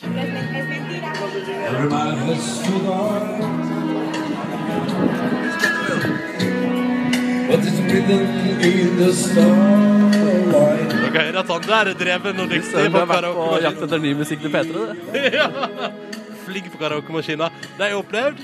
Og så var det sånn at du bytta hotell midtveis, og det nye hotellet hadde ikke bare hadde de balkong der det aldri var sol, og eh, tydeligvis en balkong der fuglene elsker å henge. Hæ? De hadde også boring. Nei! Dette satt jeg og uh, chilla med en kaffekopp på verandaen til. Hæ? Ingenting. jeg. Så du at du gjorde det også? Nei, det var et bad som hadde en vannlekkasje der. Så utrolig irriterende. Ja, og, den, og det var så høyt hele veien. Hva gjorde du? Gikk du og sa fra? Nei, Et, tok et alvorsord i resepsjonen? Vurderte, vurderte det, men det gikk bra, altså. Jeg gikk en annen plass. Det var Ja. sånn jeg måtte løse det. Når jeg bora i naboleiligheten hele dagen. Hva gjorde du, Markus, i påska di? Jeg var første halvdel i Los Angeles og besøkte gode frender og hadde det hyggelig der. Første dag jeg kom opp, så dro vi på et eh, ganske kult utsted som var sånn eh, vi, vi hadde egentlig ikke kommet inn, men siden han som eier stedet syns vennen min er så kjekk, så kom vi faktisk inn. Oh! Ja, og jeg lurer på om det egentlig er sånn utseendekode der også, at du må se veldig bra ut for å komme inn. Og så Men- slapp du inn? Helt riktig. Helt riktig, Jeg slapp inn. Så veldig rart. Um, og det var sånn kult. Vi kom opp til liksom platé, og og så var det inne i et sånn lite rom. Så satt det en dame som så litt sånn prostituertaktig ut, og ved siden av en seng. Og så bare Hæ, hva, okay, hva er det vi egentlig har gått inn på nå? Men så plutselig bare åpna senga seg, og så var det det pina meg et rom ned til en, eh, til en kjeller hvor det var fest. Nei! Jo, og den festen hadde til og med en bakgård hvor det var deilig musikk. Det var litt eh, jazzband som spilte litt sånn kung fu fighting, bare instrumentalversjon. Ja. Så i min eh, stressahet så prøvde jeg å prate med noen kvinner. Jeg, jeg dro dit som nordmann og prøvde å være hyggelig mot disse amerikanerne. Eh, vi kan bare høre et lite klipp for jeg prøver å interagere med dem her. Hi, you're pretty. You're pretty. det var venner der, da. Hvordan gikk det? Eh, altså, Bar det frukter? Fikk du noen nye venner med å si 'you're pretty'? Jeg gjorde faktisk ikke det. Altså. Og Jeg prøvde også å si at jeg kjente fyren som sto bak miksebordet, eh, men det funka helt ikke. det. Han som spilte 99 luftballons. Ja. For det var, det var tross alt den som gikk i bakgrunnen der. Det var faktisk det. Og det men det var et nydelig sted. Altså. Anbefales hvis du stikker dit. Jeg husker ikke hva det heter, da, men uh, hooked opp med kompisen min som er kjekk, så kommer du kanskje inn. Noe Var det, var det påskas høydepunkt? Um, ja. Men så har du vært på fjellet og så videre. Ja, også vært på fjellet. Ja. Gratulerer så mye. Ja, takk for det. Uh, vi tar med oss litt uh, Skissy Mars, og straks så blir det altså en hyllest uh, til Til BB King. Altså han skal få en slags Jeg prøver å opphøye han til en sånn Chuck Norris-type fyr. Skrevet Chuck Norris-aktige vitser om BB King. OK. P3. Da var vi ferdig, ja. Skissy Mars, Do You There på NRK P3 kvart på ni. Mens jeg satt og så på Facebook kom eh, P3 Morgen, der er det flott bilde av Hallgeir Kvadsheim fra Luksusfellen. Og ikke minst en slags potpurri. eh, Et bilde der jeg har eh, Hva heter det når man har instaframa og laga sånn oh, fancy greier, med et lite utsnitt av påskeferien til både meg og Nordnes og han Neby. Ja. Ja. Fun fact om meg og Hallgeir Kvadsheim, så drakk jeg akkurat kald kaffe, som jeg da skjønte var fra hans kaffekopp. Å, så vakkert! Vi har Så på en måte leppene deres toucha hverandre. Riktig. Kanskje jeg blir et økonomisk geni nå. ja, det hadde vært deilig. Å, jeg skrudde av mikrofonen min. Det var derfor det ikke funka. Rusten, vet du. Tilbake etter påske. Da er, det ingen, da er ikke alt på stell. Dette er P3 Morgen. Hallo, hallo. Hallo, hallo. Og noe av det viktigste her er jo at vi får på mikrofonene våre. Ja, det er jo på en måte hele konseptet i radio. Dette var Megelesa, DJ Snake og Mø. Og det var Linon, og den låta syns jeg er helt nydelig. Og jeg håper det var i alle fall én til tre, fire kanskje lyttere som akkurat nå kunne sitte liksom og headbange litt til den i en bil eller på kollektivtransport, for eksempel. Er eh, Mø-lyden også kullyden i Danmark? Altså om mø altså om, ja, Å ja, det er et godt spørsmål. Ja. Jeg vil tro at svaret på det er ja. Du vil tro det? Ja. Men på engelsk er det moo, Ja. og de liker jo å være litt sånn eh, engelsk eh, De bru bru bruker litt sånn engelske ord i Danmark. Ja, Ja. Ja, Ja. De sier 'computer'. Ja. Ja. Ja. Har du flere eksempel? Nei, men eh, Nei, jeg har ikke det. Så ut ifra at jeg sier computer, så er Silje Nordnes fast overbevist om at eh, danskene bruker mye Ja, men Jeg mener å ha hørt det, at de gjør det, men jeg har ingen eh, ekse- Nei, du bevis. har sett noen sketsjer, og så drar du slutninger ut fra det. Jeg har sett på Team Antonsen Ja, Kuk i og computeren. Åpen post og så videre. Men Kukecomputeren, den er legende. Den er legende. Å, hva skal dere i dag, da? Eh, Yes. jeg vet ikke. Jeg tror det er en del å ta, ta igjen, faktisk. Jeg tror jeg rakk ikke å gjøre alt jeg skulle for påsken, så det må jeg gjøre. Som hva da? Bestille flybilletter til påskeferien, for eksempel. Nei, men uh, Nei, jeg tror jeg har noen sånne regninger og sånn, og så er det jo en sending i morgen også, da. Ja. Ja. Eh, Du hører at vi er en gjeng som på en måte er akkurat tilbake igjen fra ferie, for her er det mye energi å hente. Det er mye kaffe å hente også. Hmm? Mye kaffe å hente også. Ja. Og så er det jo sånn at vi, når vi nå er ferdig med P3 Morgen på radio, så skal vi jo eh, spille inn et bonusspor til podkasten vår, som Yes. du kan eh, laste ned. Og da skal jeg fortelle eh, alt om da jeg var på Straumkroa utested på Hamarøy. Altså Jeg skal gi en full rapport om utelivet på Hamarøy. Og da kan jeg gi full rapport om utelivet på Fuerteventura hvis du ønsker. Og jeg fra eh, familiefest i Trysil. P3. Ja, ja, ja. Hallo! Dette er podkastens bonusspor. Good to be back! Yes, it feels very good. Det føles veldig godt, ass. Mm. Det er her jeg hører hjemme, vet du. Altså i studio? Ja, i radioen her. Ja. Eller i podkasten, da. Eh, det kjentes godt å være på'n igjen. Ja, det gjorde veldig det. Jeg kjenner at eh, nå er det faktisk bedre å være på jobb enn å ha ferie, eh, har jeg funnet ut. Og det, jeg vet ikke om det sier noe om min fritid, eller om det sier noe om eh, min Nei, det jobb. sier noe om at du har fått metta ditt behov. Ja, jeg, jeg, men jeg mener sånn generelt at jeg trives mer i ukedager enn i helger, osv. Oi, Sånn. Jeg tror vi skal åpne vinduet litt. Ja. OK. Ja, for nå blåste jeg ut lysa, og så ble det litt Jeg orka ikke at brannalarmen går. Jeg orka det ikke. Ronny diska opp med lys til å tenne Ja. på stearinlysene før alle hadde kommet i dag. Det var veldig hyggelig, Ronny. Ja, Jeg Kan jeg få litt kaffe? skjønner ikke hvordan du fikk tid til det når du kom så se Du kom jo litt sent på jobb. Ja, ja. Nei. Det gjorde jo jeg òg, da. Skal du ha mye? Eh, litt. Å, digg. Tusen takk. Du har ikke mer sjokolade fra din utenlandstur? Ja, fader, dette kommer i morgen. Å, fader, jeg glemte å kjøpe investere i det. Eh, da er det to strikes på deg, en til, og du er ute. Oi, fy fader. Får du sparken, faktisk. Ja. Og det er jo litt kjipt. Det er kjipt, da. For du er jo inne i en good roll nå. ja, for regelen er at hvis en av oss er i utlandet, så skal det kjøpes godteri til fellesskapet fra taxfree-en. Eh, ja. Ja, det var noe med at eh, jeg ikke gikk rett tilbake på jobb, men eh, at jeg var halvveis som gjorde at jeg ikke klarte å koble den tanken der. Ah, Men det er for dårlig, rett og slett. smell. Jeg kjøpte en caps. Jeg kan legge Kan den på kan det gå på rundgang? Å, det er fint. Og så kan jeg ha capsdag i morgen, for eksempel. Og så oh, ja. kan Silja på, ja, på torsdag. Du må gå mer med caps, Ronny. Nei. Det, nei. Jeg har aldri sett deg med caps. Ikke jeg heller. nei, det er vel en Jeg tror aldri jeg har sett deg med Jeg- hodeplagg. Jeg jeg kler ikke hodeplagg. Det går ikke for meg. Funker ikke. Gleder meg til å se deg med caps snart. Men hva hvis det er helt utrolig kaldt? Ja, nei, Da har jeg ofte på meg hettejakke, eller enda bedre hette på jakka. Ja. Tenk litt på den, dere. Smak litt på den. Ja, for jeg kjenner faktisk igjen synet med deg som en sånn eskimo med hette Ja. over hodet der. Jeg er en eskimo. Okay, Inuitt heter det. Er det det? sorry. Er eskimo rasistisk? Jeg vet ikke. Vi begynner med deg, da, Markus. Vi begynner med deg. Begynner med meg. Dro rett fra sending eh, den f eh, siste sendingsdagen til Los Angeles, hvor jeg da møtte Uh, Hvor jeg da besøkte mine venner. Um, og det, den, det lydklippet vi hørte i stad, var fra den første kvelden. Jeg var on fire og jeg hadde sovet på flyet og var så klar. da Ja. uh, Det er kanskje, en, kanskje den gøyeste kvelden jeg hadde der borte. Dagen etterpå var vi Men du, vent litt. Jeg, nå har jeg, jeg bare har lyst til at du skal på en måte i, male et bilde av eh, hvordan det ser ut. For de bor altså, de her, det, det er gutt, det er Ja. som bor Hvor gammel er de på din alder? På min alder. 23? Ja.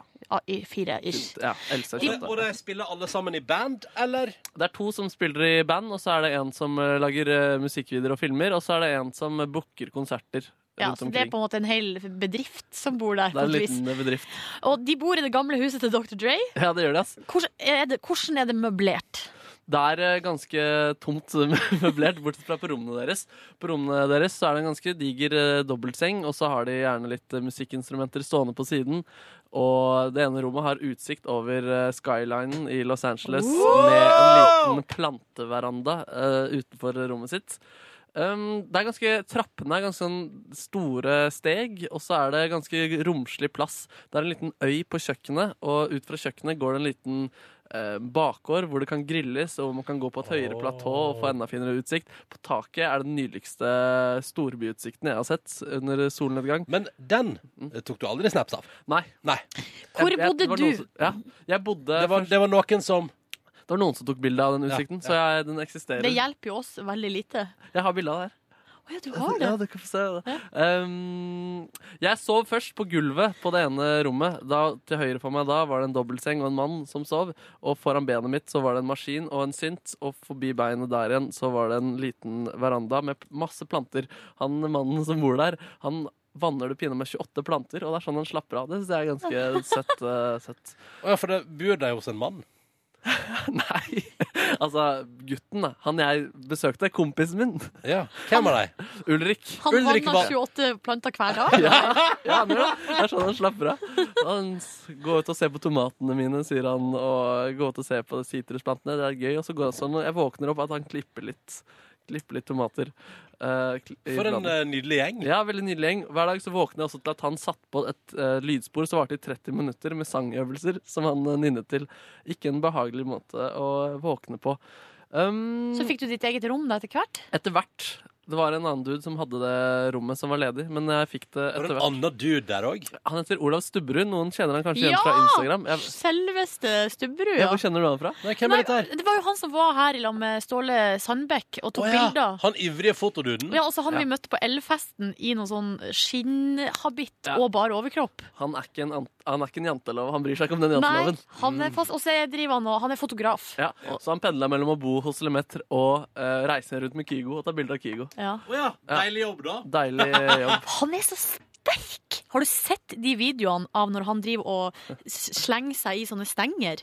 Nei. Opp fra den ene stanga til den andre. Du vet, altså Sånn turning, på en måte. Ja. Men så fikk du stubberuen sitt rom, da? Etter hvert, ja. Og jeg, Ja. Men jeg, overkroppen er veldig flott. Han er fit. Jeg sa det til han. Dude, smooth shit. er det jobbet mye med? Han kunne ikke ljuge da og si at den hadde han jobbet så mye med. Ja. Du, hva, møtte du Kygo? Nei, han var opptatt. øh, Vi skulle jo egentlig bort til den øh, Miami-festivalen hvor alle de andre norske elektronikafolkene var. Bare en liten snartur til Miami. Det er jo ganske langt over landet. Ja, men det skulle faktisk bare være en snartur. Ja. Men det ble avlyst pga. Av, deadlines på et kommende album. Som oh, ja, så, men da stiller jeg spørsmålet Måtte da de du var på besøk hos, jobbe noe helt sjukt mens du var der? Eh, ja, de jobbet uh, mye med det. Ja, Hvor, Hjalp du til? Hjalp litt til. Og ah, Kommer du til å ha instrumentert noe på det nye albumet deres? Uh, hvis noe står Altså, alt kan jo forandre seg, men eh, hvis ting står seg som akkurat som jeg dro, så, eh, så definitivt. Så spennende. Det gleder jeg meg til å følge utviklinga. Får du penger for det, da? Eh, det kommer an på. Ja. Det kommer eh, Eller altså, jeg vet ikke om jeg Det er liksom det du, du, du på en måte var der for, og så jobb, og jobba for kost og losji. Kost og losji Nei, altså, jeg får nok kanskje penger for eh, noe av det. Men eh, vi får se hvordan ting ender. Hvis ting ikke står seg, så gjør jeg ikke det. på en måte hvis det føles som dritt om en måned når de skal gi det ut. Ikke sant? Ja. Ja. Nei, men Så det ble ikke Miami-festival på deg, dessverre? Det ble ikke Miami-festival for meg. Men fikk du festa fra deg? Eh, ja Nei, vi var ikke så mye på fest heller. Vi dro på et uh, poolparty på den søndagen hvor jeg følte meg eh, feit og utilpass. Var det bare fitte folk der? Det var bare fitte folk Kan jeg si en ting om det? Ja. Fordi jeg og min kjæreste bare for oss, Nå skal jeg liksom flette inn litt av min påskeferie. Ja. Vi var på Fuerteventura. Det har du hørt om i sendinga. Og det var en hyggelig destinasjon. Det som var deilig Jeg vil bare understreke det med en gang. Det går bare ett fly fra Norge dit i veka. Oi. Eh, Så det var veldig lite nordmenn. Mye briter og tyskere, da. Ja. Så, men, det er lite nordmenn der. og det syns jeg var litt sånn deilig. digg. Eh, Men i alle fall så vurderte vi halvveis. For vi hadde egentlig bare bestilt eh, hotell til halve oppholdet. Og så tenkte vi egentlig vi skulle reise litt rundt. Men så var den byen vi var i, var kanskje den eneste plassen der det var verdt å være. Så da ble vi der. Og da sto det mellom to hotell å sjekke inn på. Et som var liksom sånn en sånn type sånn charter all inclusive-hotell som så litt shady ut. Eller ikke shady, men det var litt sånn shabby. Sånn bygd for lenge siden. Charter- Det, det måtte borres, da. Ja. som dere hørte. um, men, og det andre valget var et uh, like billig surfehotell. Da hadde min kjæreste vært innom der så vidt, bare for å sjekke om det var rom ledig. Og da hadde hun òg sett uh, klientellet, Ja. som stort sett var unge surfefolk uh, i, av den meget fitte, brune Men typen. de er gjerne fitte i surfegjengen. Ja, og da fant vi ut at vi vil ikke være å henge på det poolområdet der, for det var også veldig lite. Så da måtte jeg liksom sitte klistra oppi sånn Uh, Jeg tror ingen hadde hatt noe imot at det ble røyka et par joints i bassenget der på dagtid, på en måte. Ja. Og da fant vi ut Jf. det du nettopp prata om at du følte deg feit på poolparty. Ja. Vi trengte ikke være der. Da gikk vi heller til de glade De britene og tyskerne som var meget glad i å ete på nabohotellet. Og det syns jeg var et riktig valg for oss, da. Ja. For et eller annet med lave skuldre er alltid jeg for. Ja, riktig. Ja, jeg ser den veldig godt, så derfor var det ganske skremmende å være på dette polpartiet. Det var så svært på den fredagsfesten hvor, ah, som jeg også om, hvor alle var liksom pene der også. Der følte jeg at jeg kunne kødde fordi det ikke var no så mange bekjente av eller. Men på den søndagsfesten så var det liksom litt sånn halvveis bransjefolk. Ja. Så jeg følte at jeg ikke kunne kødde like mye med folk og være Og så er det sånn You're pretty! fordi, sånn, fordi jeg følte at da kunne jeg ruin shit og sånn, men uh, Hva skulle du ruin? Nei, jeg vet ikke. Altså, jeg kunne sikkert gjøre det, så jeg hadde det jo gøy. Det var jo det. Du, du, vet, du måtte holde fortet ditt for å oppføre deg sånn at ikke dine venner ble gjort skam på. Ja, på en måte litt. Ja. Men uh, så får man jo Så kommer man inn i det etter hvert, da. og Så ble jo det også en gøy dag. Hadde vi et uh, barbecue-fest lørdagen etterpå som, uh, hvor vi møtte eh, det var hos søsterselskapet i Sverige til den norske bookingforma til Met. Så det var masse nordmenn og dansker der. Mm. Og svensker. eh, Og nord, eh, eh, møtte der en mann som levde av musikk. Og så spør de sånn Ja, hva, hva slags eh, musikk er det du lager, da? Det er sånn, jeg lager litt sånn Green Day-aktig og litt sånn eh, The Queen, eh, Queen-aktig. Mm. Og så viste det seg at han fyren her lager eh, musikk for reklamefilmer, hvor han blir bedt om å kan du etterligne Green Day. Og Nei! kan du- eh, ja. Um, Å, jeg fant jo linken i går. Har, dere, sett, har dere sett reklamene for Robinson-ekspedisjonen på TV 2? Nei. Har, du, nei. Nei. Har dere, lagt, da har dere ikke lagt merke til at uh, musikken på Robinson-ekspedisjonen høres ut som starten på Lyset av Christian Christensen. Oi, nei. Og jeg har alltid tenkt sånn Wow, her er det veldig store likheter. Det høres ut som den begynner hver gang. Så kom jeg på at Christer Falk er jo programleder for uh, Ah. Robinson, og han er jo også utgiver av musikken til Christian Christensen. Så da tror jeg jo kanskje at det er en link der. Det kan godt være. Er, men er det, en for, er det en fordelaktig link for Christian Christensen? Eh, jeg veit ikke. Jeg ville ikke blitt uh, Du ville ikke hatt musikken til Robinson? et, Ikke hvis jeg skulle være seriøs artist. Ah, sånn, ja. ja det, men det, Nei, men det kan godt hende at han lagde den musikken til Robinson lenge før han lagde låta 'Lyset', på en måte. Ja, det og kanskje kan lyset er inspirert av, av de klimprende greiene han lagde til Christer og Robinson. Ja. Det høres ut uh, rart ut, men eh, ja, nei, men da får du synes det. det er, Ellers, da? Ja, nei, eh, det var mye Vi spiste mye, det var det det gikk i. Hva var det beste du spiste i LA? Bestia het det faktisk. Det var en Bestia. Ja, det var italiensk eh, gourmet-tapas, og det var noen nydelige greier der. Altså. det høres ut. Spiste noe fantastisk på den uh, an, uh, sånn beste greske restauranten i uh, LA. Som eh, hadde fått syke reviews, og den gyrosen der, den vil jeg gjerne spise på nytt. Oh! Og så testa jeg alle burger, eller de tre liksom store burgerne der borte. Hva da? Hva da? Umami-burger heter den ene. Sånn Ja. minikjede. En som het In and Out, og en tredje jeg ikke husker navnet på. White Castle? Nei? Kanskje. Nei Kanskje, Jeg vet ikke. Men det Men, er og In-N-Out-burger. Jeg har bodd ved siden av en In-N-Out-burger i LA. Har du det? Hotell. Ja, ja, ja. I Hollywood der. Yes. Ja da. Ja, det var Men er det det. her kjeder, eller er det restauranter? Jeg tror Umami-burger er en kjede, men de andre er uh, bare In-N-Out-burger tror jeg er et par. OK. Ja, det er bra. Men du var ikke på Hva heter det da? Uh, det der pancake eh, IHOP. Nei. International House of Pancakes! Det, oi, det var, har du vært der? Ja, ja, ja. Fy søren. Det er òg en kjede. Ja, nemlig. Jeg var på Roscoe's, som er chicken and waffles. Det var perverse greier. ass. Var det godt? Ja, det var superdigg, uh, men he, du føler deg grusom etterpå. ass. Da er det sånn diger smørkladd uh, som du tror er is. Og det er så digg som is også, så Ja. du kan spise det. Det er ikke noe problem å spise det smøret der. liksom Og så er det smør, ja. Og så er det en fritert kylling ved siden av. Du bare spiser det. Det er helt sykt. ass. Eh, Og vafler. og vafler, ja. Og vafler. Og vafler, Det var veldig rart, det der. Mm, men fa- jeg blir litt skuffet av burgerne. Jeg syns faktisk Munchies er bedre enn eh, alle de tre jeg smakte, faktisk. Jøss. Ja, men jeg mener jo at uh, Oslo er jo på burgertoppen for tida, føler jeg. Ja, fy søren. Eh, eller iallfall oppe på Hedda der. Ja. Spiste en veldig god burger. Jeg bare fletta, jeg. Ja, Er, er, er fletting greit, eller? Fletting er helt Ja. Lov. Uh, spiste nydelig mat på Fuerteventuras også. Vi hadde altså klaff med alle måltid uh, alle kveldene i byen Coraleja. Var på en eh, homovennlig italiensk restaurant. Altså, Eh. Var det homofile? Det var, det var bare homovennlige?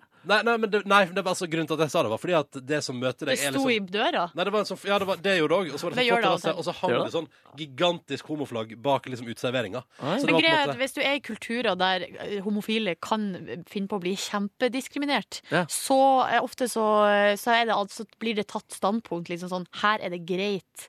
Da Her kan to menn være på date uten å bli kasta ut, liksom. Wow. Og vi, vi spekulerte i om det kanskje var sånn at servitør og kokk eh, var et par og drev denne plassen eh, i lag, disse to herrene. da. Nå sier jeg ikke nødvendigvis at det er sånn i Spania, jeg må bare skyte inn det. tror Spania er relativt De er ganske eh, liberale, faktisk. Ja, Eh, og spiste noe nydelig sånn fersk italiensk pasta. Eh, og jeg har spist altså, nydelig, og det skal jeg si òg Fuerteventura er litt sånn Det har sikkert du òg, Silje, har vært der. Jeps. Veldig hippieorientert. Mye folk med dreads og generelt Ja. lykkelige surfefolk. Det lukter weed overalt. Men heller det enn at det lukter frityr liksom, Eh, overalt. Eh, Ja, ja. Men det var det jeg skulle si, at vi var også nemlig Ja, da ja, på ja. ei burgersjappe som altså hadde helt nydelig hippieorientert burger. Jeg følte at, jeg følte at det var jeg følte at Med sånn mye hippiefolk så kommer det god mat, da. Var poenget mitt. Og spiste en helt nydelig burger som var sånn avlang, med sånn italiensk potetbrød. eh, Og det der var bare helt sånn fabelaktig. Så jeg spiste faktisk en god burger i, um, i Fuerteventura. Oi, digg, da. Mm, spiste òg noe nydelig paella. Hvordan vil du rangere den i forhold til Munchies? Nei, Munchies er bedre, Mm. men uh, det var veldig god. Og jeg spiste noe nydelig paella. Og noe biff med noe sånn vill sopp. Det var, det var, jeg spiste så masse bra mat, da. Åh, Det sykeste jeg spiste som jeg ikke hadde smakt før, Korean barbecue. Hva, hva, hvordan Men det ikke- har de nede i Torgata her, tror jeg. Jeg tror Nei, Og også nede på hva heter Den derre Mr. Hong. Ja. Det er jo Hong? tror jeg, er samme greiene. Er, er Nei, det det er sånn kanskje griller maten på bordet og sånn? Ja, ja, ja. Å, fy fader, det var digg, ass. Mm, det vil jeg ha mer av, ass. Det var eh, mm, Yes! Nei, det var helt fantastisk. Lykkelig Markus. Ja da, Men han Ulrik det er plantevennen. Han er også en matvenn. Ja. Så han har lagt opp det matkjøret for oss. Altså Hver dag så hadde vi én til to restauranter vi måtte krysse av på. Og det var det jeg opplevde av turistattraksjoner Men tok de seg liksom bryet med å feriere litt når du var der? på en måte, Skjønner du hva jeg mener? Uh, ja, definitivt. Ja. Uh, men eh, de, vi, de, vi jobba jo også en del, så det var jo Hadde, hyggelig. var, det, altså. var, det, var det godt å se deg igjen? Det var veldig veldig hyggelig. Det var ikke så lenge til de kommer tilbake. Kyssa dere, for det bruker jo du og han Ja, Ketil det. å gjøre av og til. Nei, Pleier du å kysse Ketil? jeg pleier å huske. Det var jo det berømte Instagram-bildet som Markus la ut, som han sletta fordi han fikk fylleangst. Men er det nå jeg skal hoppe inn med mine matting? Eller altså Ja, noen mat, matlige høydepunkt? jeg synes flettinga var så vanskelig. Ja, det var vanskelig fletting. Jeg klarer ikke å hive meg på. Men OK, jeg bare, ok, nå gjør jeg det. Ja. Mat. Kom igjen! Nei, men jeg var jo hjemme hos mamma, ikke sant? Ja, ja, ja. Eh, og der er det jo eh, Altså, mamma og pappa diska opp med sånn vanlige ting. Fisk, veldig mye fisk, ja. Ja. Og ehm, og eh, lammelår. eh, Å, ja sånn da. type vanlig sånn påskemat, Påsketradisjon. liksom. Ja. Men var det som det alltid er, en rullende buffé fra morgen til kveld? Ja, ja, ja. ja. Ble, Du sendte noen snaps der. Var det fra ditt hjem? ja men ja. Fordi, eh, for det som var nytt av året jeg, må, jeg kan først si ja, det er en rullebuffé. Vi blir vekt til frokost, og da er det dekt på, liksom. Med masse deilig pålegg. Og så derifra og ut så er det bare en eh, bonanza. Matbonanza. Men eh, for det, det som var nytt, egentlig kanskje litt av året, var at, eh, at vi Eller jeg følte at jeg og broren min var mer delaktig enn vi har brukt å være før. Eh, og da lagde vi først en dag, så inviterte vi noen venner av mamma og pappa. Ops, unnskyld. Og hadde sushiverksted. Så da lagde vi sushi fra scratch. Eh, Du har noen hippe foreldre som driver og boltrer seg i Netflix og sushi-making og Men det som er at eh, nå har ungene flytta ut der. Eh, Ja. Alle ungene. Ja. Så de, jeg vet at de har en slags ny vår der hjemme. Sitter og ser på Homeland til klokka halv fire på natta og bare. Kort innpå herfra. Ja. Eh, dere inviterte no Du og din bror inviterte noen venner av mora og far Nei, din? nei, nei, nei. jeg og hun mamma. Eh, altså det var på en måte Ja, jeg og hun mamma, vi skulle lage sushi. Eh, det skulle vi gjøre. Og så plutselig så har hun mamma snakka med venninne, så ville hun komme. Eh, og så var det noen Skal andre dere lage sushi? Jeg kommer! Ja, og da kom hun med mer fisk og mer ingredienser, og så endte det med et sånn svært uh, sushilag. Og det var utrolig Det var skikkelig artig å holde på i lag på kjøkkenet, drikke vin, ikke sant, og jeg tror vi holdt på i tre timer. Og når vi da endelig satte oss med bordet, så var det bare Det var så smooth. Oi. Smakte skikkelig godt. Og så i tillegg til det så gjorde vi nå på lørdagen, så uh, lagde vi tapas. Og da var det jeg og mamma og lillebroren min, da, vi, eh, da holdt vi på på kjøkkenet i lag, ikke sant. Så prata man, skravla. Litt Drakk litt øl, hørte på litt musikk. Eh, og så til slutt så, så kom de noen venner av mamma og pappa, så hadde de med seg noen ting som de hadde lagd. Og så var det altså den eh, nydeligste tapas. Ah. Og det var dritgodt. Hvor mange fikk nyte både sushien og tapasen? Jeg tror eh, på sushien var vi vel ti til bords. Og vi kunne vært flere, for det var sykt mye mat. Og eh, på eh, tapaslaget var vi seks, da, så var ikke så mange. Kunne, vært, Hyggelig, vært, kunne vært flere der òg. Men det var deilige greier. Ja, dritgodt. Mm. Ja. Um, Alt var hjemmelagd. Hjemmelagd aioli og nei, nei, nei. Nei, nei, nei. nei, nei, nei, nei. Da trekker jeg meg ut av fletta. Har du bada, Markus? Uh, nei, Har du ikke bada? jeg bada? ikke. Er du gal? Vi dro til Manhattan Beach, og Ulrik surfet, men det var litt for kaldt.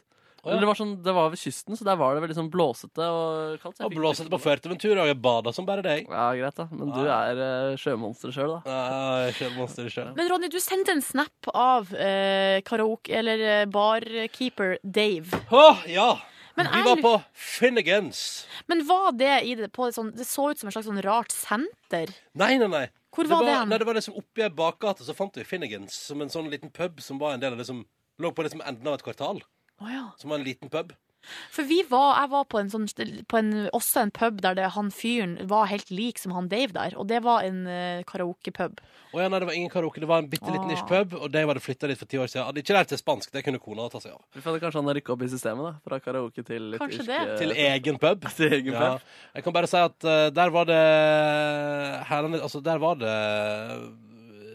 barn som lå og sov mens de voksne satt og drakk. Sjarmerende opplegg. Rar pub. Vi ble sittende til fire på natta. Jeg skjønner ikke hvordan det skjedde. Møtte dere andre folk og sånn? Ja, det, altså, det var jo eh, Det var Dave, og så var det kona til Dave, og en venninne av kona til Dave. Eh, og så var det en eldre irsk herremann eh, med sånn som var sånn gråhåra, grått skjegg. eh, godt over pen- pensjonsalder. Faren til Dave? Han gikk, tok seg mange turer ut av lokalet for å røyke seg ei lita joint. Oi. Denne, og det er et eller annet med å se pensjonister spasere ut for å Igjen, den øya der. Veldig rart. Ja, det er et eller annet med det, men hva? Ja, det Eh, er nok sånn, sånn var det ikke da Å, vi var der, holdt på å si. Kanskje det var litt sånn utover Kanskje det var påske. Det, det, Påskesesongen. det Dave sa, var at det, det, For det var ganske rolig, og da sa han at det er veldig rolig i de, eller de tidene der det er uh, folk på øya som har med seg barn. Da er det rolig tilstand. Altså utenom påske, da er det fullt halvveis der. Selv om jeg har litt lite trua på det. Og, og det verste var, jeg skjønner ikke, han åpna baren sin på uh, halv tolv på formiddagen hver dag. På, et, på en feriedestinasjon må være utrolig trist. De kundene du får inn halv tolv på en solfylt uh, tirsdag jeg vet, om, eh, jeg vet ikke om du vil ha dem. Men uh, veldig, veldig hyggelig der. Um, Og var et par andre hyggelige drinkplasser der også. Kos oss uh, maks, altså. Uh, ble ikke så seint utenom den ene kvelden der vi satt og drakk øl til fire. Men uh, utenom det så var det bare veldig hyggelig. Veldig hyggelig øy. Mm. Jeg òg vil anbefale den øya, altså. Hvis man skal til Kanariøyene. Men traff dere noen venner som, eller som dere kommer til å ta vare på? Nei. Noen jevnaldrende. Nei, nei det, var noe, det var mye det var, Vi endte opp i en situasjon der, vi var sånn, der man innser at nå eh, Vi satt på Vi reiste jo en dag til en sånn naboby, som var sånn bitte, bitte liten. Uh, og der uh, var vi og bada og lå på ei veldig fin strand. Og så var vi liksom inne i et sånn bitte lite sentrum. Veldig hyggelig. Så ble jeg sittende på en sånn restaurant eh, der det var helt sånn vindstille og fint å drikke øl og vin og se på solnedgangen. Og det tok noen timer. Der sola bare cruisa ned Ah. i havet, og så var bølgen der ute. Og da, på et tidspunkt slo det sånn Ja, nei, da sitter vi nå, da. Jeg bare noterer seg at det er seks bord ute, og på fem av dem sitter det da par. to eh, kjærester i lag. Eh, ut, også utenom det, en litt sånn stor tysk familie som var noe bråkete, men som etter hvert hadde satt seg fornøyd og gikk sin vei. Og jeg spiste noe Ibericam, og der det var altså Vet du, har hatt det helt konge. Har spist det nydeligste måltid. Ja, Det høres ut som du hadde det helt nydelig. Ja, vi sa at det har vært veldig fint. Veka før tilbrakte jo i Oslo, i hovedstaden. Da Markus var kos i LA, satt jeg i Oslo og var misunnelig på Snapchat til Markus. Eh, Men eh, du hadde noen koselige kjæreste- og opplevelser i det landet der også? I hvilket land? Der hvor du var? I, I Spania, ja? Ja. Ja, hadde dere flotte kjæresteopplevelser? Ja, fader. Fy fader. Leide, Var du usikker på nå hvilket land Kanariøyene tilhører? Ja, fordi du sa Marokko i stad. Nei, jeg ligger utenfor Marokko, men det er en del av Spania. For Spania var jeg innom der og henta Satte flagget på grunn først, da. Ja. Så det Du vet at Kanariøyene ligger utafor Marokko der. Ja, ja. Men Fuerteventura er vel den øya som ligger nærmest? Ja, nærmest Marokko, ja. Ja, Ja, ja, ja for eh, ifølge flight-radaren til Norwegian. Og så har den eh, masse, masse, masse sand som har kommet fra Sahara. Blåst over der. Nei, ja, ja. Masse Så- hvit sand. Så så det det var gikk på sånn ørkentur Ja, sånn? var på ørkenvandring, vi da. Skulle skjønt at sola varma, sjøl om det er over skya. Så den solbrentheten jeg gikk ut av med første dag der, konge. Og så kom vi da ut av ørkenen eh, og inn på eh, ei strand. Akkurat idet liksom sola brøt gjennom og det ble blå himmel. Og så tenkte jeg sånn, vet du hva, da legger vi oss bare her. Midt ute i ørkenen, eller ut mot havet, da. På ei strand. Ja. Uh, og innser idet vi har lagt oss ned, at dette er en nudiststrand. Oi! Da var det vel bare å kle av seg, da? Ja, på et tidspunkt var jeg naken på nudiststranda. Det var jeg, men, Jeg det var, men, men det var for å skifte. Ah. Fordi da tok jeg av meg bokseren og tok på meg badeshorts. Du burde prøve. Det er skikkelig deilig å være naken. Altså, Men på har, du, har du vært naken på nudiststrand? Ja. I et fremmed land med min kjæreste så tror jeg jeg hadde kost meg. Ja, Altså. vi vurderte å reise tilbake igjen og være nudister, men eh, det var bare så utrolig mye gamle folk der. Jeg var nudist. Jeg ville, jeg ville, an- jeg ville foretrukket gamle folk, hvis man først Ja, er det er på faktisk et nudiststrand. utrolig godt poeng. Fordi jeg var i Costa Rica, og da var vi på nudiststrand. eh, var naken. eh, helt fram til Og da var det andre folk der, men det var på en måte ikke noe stress. Voksne folk. Mm. Eh, men det var null stress helt til det costaricanske fotballaget med Hey! sånne smågutter kom. Ai, ai, Eh, ai. som var, de kunne vært liksom 17 Å, år. jeg har sett meg. Ja. Vi snakker ikke småputtlag. Nei, Nei. Små gutter. Mm. Ja. Eh, eller gutter. La oss si det var guttelaget, da. Ja. Eh, og, da, og de hadde altså så lange øyne at her, må, da måtte man virkelig på seg, Fordi det ble for Det, ble, det var ikke bra. Ja. så lange. Hvem var dere da som var nakne på strand? Altså, Det var er jeg og så eh, to eh, utvekslingsstudenter. Det, var da jeg var student der. Ja, ja, ja. Oppsøkte dere stedet? Eh, ja, vi, ja, vi gjorde det. Mm. Ei fra USA og er fra Spania. Jo, men altså, det, Husker ikke hva de det, var, heter, det er det, litt var, det, var overras det er overraskende hvor liksom, altså, Etter å lå der i ti minutter, så var det ikke noe problem for meg å Nå var ikke jeg lenge naken, men at jeg liksom, det var ikke noe det, jeg, eh, det å kjenne på at det ikke var noe stress, at jeg ikke gadd å begynne å prøve å dekke meg til for å skifte, Ja. var sånn ja, ja, så, Det er frigjørende. Ja, men kanskje en gang eh, Kanskje en gang hvis jeg reiser tilbake når det er litt varmere i lufta, så kanskje jeg skal For den, dagen blåste det noe helt enormt, da. Så eh, det var ikke så digg å bade der. Men Mm. kanskje en gang skal jeg prøve å bade naken der. eh, mm. Hvis jeg skal tilbake til Førteventura, da. Det blir spennende å se. Men eh, veldig hyggelig. eh, og veldig gøy å gå i ørkenen der. Og veldig sånn ellers Altså ørken og vulkan, liksom. Hva gir du meg? Topp stemning. Topp, topp stemning. gøy å gå på ørkenen. Aldri gått på ørken. Ørken er fint. Ørken er fint. Mm. Noe annet dere vil trekke fram? Altså, det, Ja! det så ut som utelivet på Hamarøya var helt konge, da. Herregud, altså. um, så vidt jeg har forstått, så er det den roligste påska som har vært. Oi. Eh, ja, det var lite liksom organisert festlighet. Ja.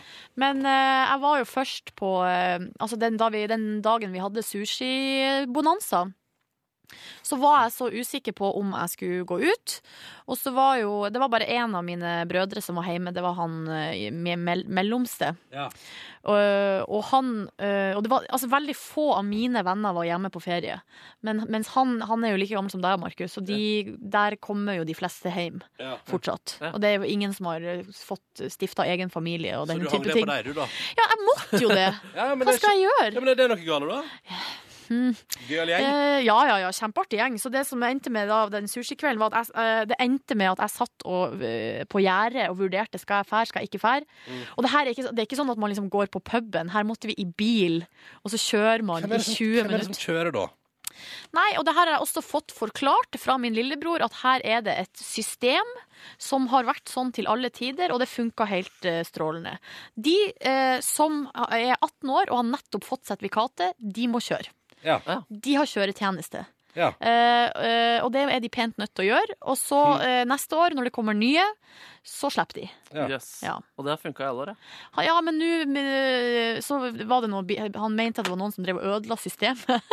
Ja. Blant annet min lillebror Odd Karsten, men han var jo ikke der, han var i Mexico. ja så, Eh, så han hadde ødelagt systemet. Ellers så kan du gjøre sånn som i USA, hvor det er lov å kjøre etter man har drukket noen øl. ja, la oss begynne å gjøre det. Nei, det kan vi ikke gjøre. Men så da dro vi altså da, jeg tror klokka var liksom tolv da vi for, Mm. kommer fram til Skuttvik gjestegård klokka halv ett. Ja, ja, ja. Og der var det, kosta det 150 kroner å komme inn. ja. Var det live band? Det var live band, det var irsk musikk. Åh. Og eh, med kontrabass og fiolin og full oh, Ingenting er som å trekke det loddet og ende opp med å spille irsk musikk på Hamarøya. Ja, Nei, men det var, De er jo lokale folk. Ja, det er lokale Ja. folk, ja. Ja, Men med sær interesse for irsk musikk. Ja, eller de, det Og jeg elsker den irske musikken. Den sjela der kan ikke norsk musikk måle seg med. Shit, Tenk om det er noen som flytter til uh, Hamarøy for å drive med det der. Ja, det skal du ikke se bort ifra. Ja. Uh, nei, men da tok jeg og det som, så jeg, jeg er litt sånn flau over det her sånn i retrospekt. For, Ja. at for det første så gikk jeg bare rett inn. For det første jeg gjør, Oi. er at jeg møter en kompis av broren min utafor. Så sier jeg hvor mye kosta det? Han sier 150, og så sier han men det er bare å gå rett inn. Og stjerne som det. Så da gikk jeg bare rett inn. Eh, I tillegg til det så hadde jeg med meg en rød eh, plastkopp som det var skrevet med sprittusj Odd Karsten på. Og i den koppen hadde jeg hvitvin. For det hadde, var kjøre, det hadde jeg med i bilen da, liksom. Og da gikk jeg bare rett inn og satt inne der og drakk av den koppen. Alene? Eh, nei, med folk. Men det er jo ingen som reagerer på det. Nei. Tydeligvis. Men så har jeg liksom Eller ingen turte å prate til radiostjerna fra Hamarøya. Nei, for jeg tror, jeg tror ikke det er det det går på. Jeg tror bare det er greit. Uh, uansett. Ja. Må du ta mye selfies med fans eh, når du er der borte? Nei! Det her er jo Jeg kjenner jo alle folkene. Det er jo veldig rart. Uh, hvis jeg skulle si til deg nå sånn Markus, kan, å, du, å, det er litt flaut, men uh, kan jeg ta en selfie med deg? Neida, nei, det er ikke sånn. Um, og det var den første kvelden jeg var ute. Jeg var på quiz på Hamsunsenteret på fredag. Oi. Kom på nest siste plass. Ja, gratulerer. Takk for det. Uh, og så på lørdagen, da var det akkurat samme greia. Da satt vi hjemme og drakk vin og spiste mat. Og så uh, halv ett gikk jeg og han Tarjei til uh, Straumkroa pub eh, på Hamarøy fiskecamping. Ja. Og Er der, det gang- gangavstand? Ja, det var gangstad. Ja, Ja, ja, ja, ja, ja. Så gikk vi ned dit, og jeg kommer inn der og ser jo da eh, ganske tidlig at her er jeg den eldste i lokalet. Hey! Bortsett fra de to bartenderne fra Litauen. uh, og hun, altså den nærmeste meg i alder er ett år eldre enn deg, Markus. Altså Oi. seks år yngre enn meg. Det er, det er, det er trist, faktisk. Ja. Jeg må faktisk bare si Ja. det er trist. Og jeg kjente jo på det med en gang. Sånn her, å shit, liksom. Og, men så, og det verste var jo at alle de, alle de småtassene som var der, var veldig opptatt av at jeg var den eldste som var der. nei, nei. nei. Så det høflig. Eh, hæ? Så uhøflig? Ja, uh, men igjen, jeg kjenner jo alle de på et vis. Altså, du var ikke ubekvem, eller? Jeg var ubekvem en liten stund, men så, uh, men så begynte du å drikke I min første vodka russian så gikk det over. og det som er så komisk, og her er jeg, så dårlig, jeg har så dårlig samvittighet, fordi det er to bartenderne som, er som jobber og driver den der puben der. Fra Litauen. Fra, jeg tror de er fra Litauen, eller fra Russland. Samme kan det være borti Eh, ja. Jeg har altså bitcha så mye om forrige gang jeg var der, for at da hadde de så utrolig dårlig utvalg. Ja. Uh, og det endte opp med at jeg drakk altså, rom og cola, uh, og det var uten is, uten sugerør, uten, og det var uten eh, Parasoll. Uten, uten parasoll, uten lime. Altså, de på en måte hadde jo ingenting der. Men det som var at da sa jeg til dem dere må kjøpe Russian tonic Ja. eh, blanda vann. Det må dere gjøre. Okay, ja. Dere må ha det. Så kom jeg tilbake nå, så hadde de det. Og da fikk jeg så dårlig samvittighet for at jeg har bitcha så mye eh, til andre folk om hvor dårlig det var der. Ja. For nå var det jo egentlig Du litt hadde bra. deg alt du trengte. Ja. De to, altså det er jo bare, å- Man må på en måte bare si fra hvor, hvis man syns noe kan bli bedre. Ja, så kanskje det blir bedre. Så Må være bitch om det det. Hæ? Var det sugerør eh, også, eller? Ja! Yes. Og is, ikke lime. Ikke så lime, der har vi litt å gå på. Ja, okay. ok, men- om det. Um, nei. Nei, det er et eller annet med når du får alt du ber om utenom én ting, da Da holder man kjeft. Ja. Men, og det som er på uh, kroa der, er at de har uh, et musikkanlegg der de spiller sanger uh, som er synka opp mot en TV-skjerm som viser musikkvideoer. Ja. Og det er altså da eh, blant annet eh, Det er masse Phil Collins, gammel ja. musikk, og så var det noe Modern Talking. Ja, ja. Og så er vi i baren, og så, ja, så kommer det en kompis av meg som heldigvis var ett år eldre enn meg, så da var han plutselig den eldste. Så det var bra. Og så sier, han, så sier han til meg sånn Silje, følg med nå. Og så sier han til han fyren i baren Sett på noe 90-tallsrock. Og han fyren bare Ja, det skal jeg gjøre. og så setter han på Coco Jumbo. Det er 90-tallsrocken. Men var det med musikkvideo? Ja! Å, herregud, hvordan er den? Utrolig dårlig. Ja, ja, ja. Men var det et på 90-tallet, kodeord for Cocoyambo, eller var det bare at Jeg vet ikke, men det var så rart. Og det var så mye rar musikk, og vi dansa masse. Og så kjøpte jo For det er, det er så rart. Og hun, hun ene, det var ei jente der, en venninne av broren min, som kjøpte da skulle kjøpe en runde med Tequila, så kjøpte syv Tequilas for 250 kroner. Å, billig! Oi! Det er jo helt absurd. Så ikke bare driver de eh, disse to, de driver også med veldig dårlig næringsvett. Men de hadde ikke lime. De hadde Nei. faen Nei. ikke lime. Så da får ikke du rabatt, da, eller? Nei, jeg vet da søren. Må sende mail til deg nå. Ja, men det var i hvert fall veldig Heia, artig. Silje her. Men så dro de andre på nachspiel, og jeg er så glad for at jeg dro hjem. Oh, ja, Okay. Ja, Ja. for det hadde ikke jeg kunne ikke vært på nachspiel i lag med Hvis det ikke var noe fristeri noe tail. Og jeg eh, på søndag gjorde noe veldig gøy. Ja. Men jeg lurer på om vi må spare det til i morgen. Fordi at nå må vi eh, komme oss videre i livet. Ja. Eh, men uh, kan ikke dere minne meg på det i morgen? Vi hadde, eh, jeg og eh, kjæresten min endte opp med å invitere på en slags kake og øl på søndag. eh, hjemme hos eh, meg. Eh, og minn meg på at eh, jeg skal fortelle historier om foranledninga for Ja. at vi endte opp der. Den er Kanskje jeg til og med skal ta det på lufta i morgen. Vi får se. OK, ta vare, folkens! Ta fuckings vare. Hyggelig å være tilbake. Ha det bra! Ha det! Ha det. Hør flere podkaster på nrk.no podkast. P3.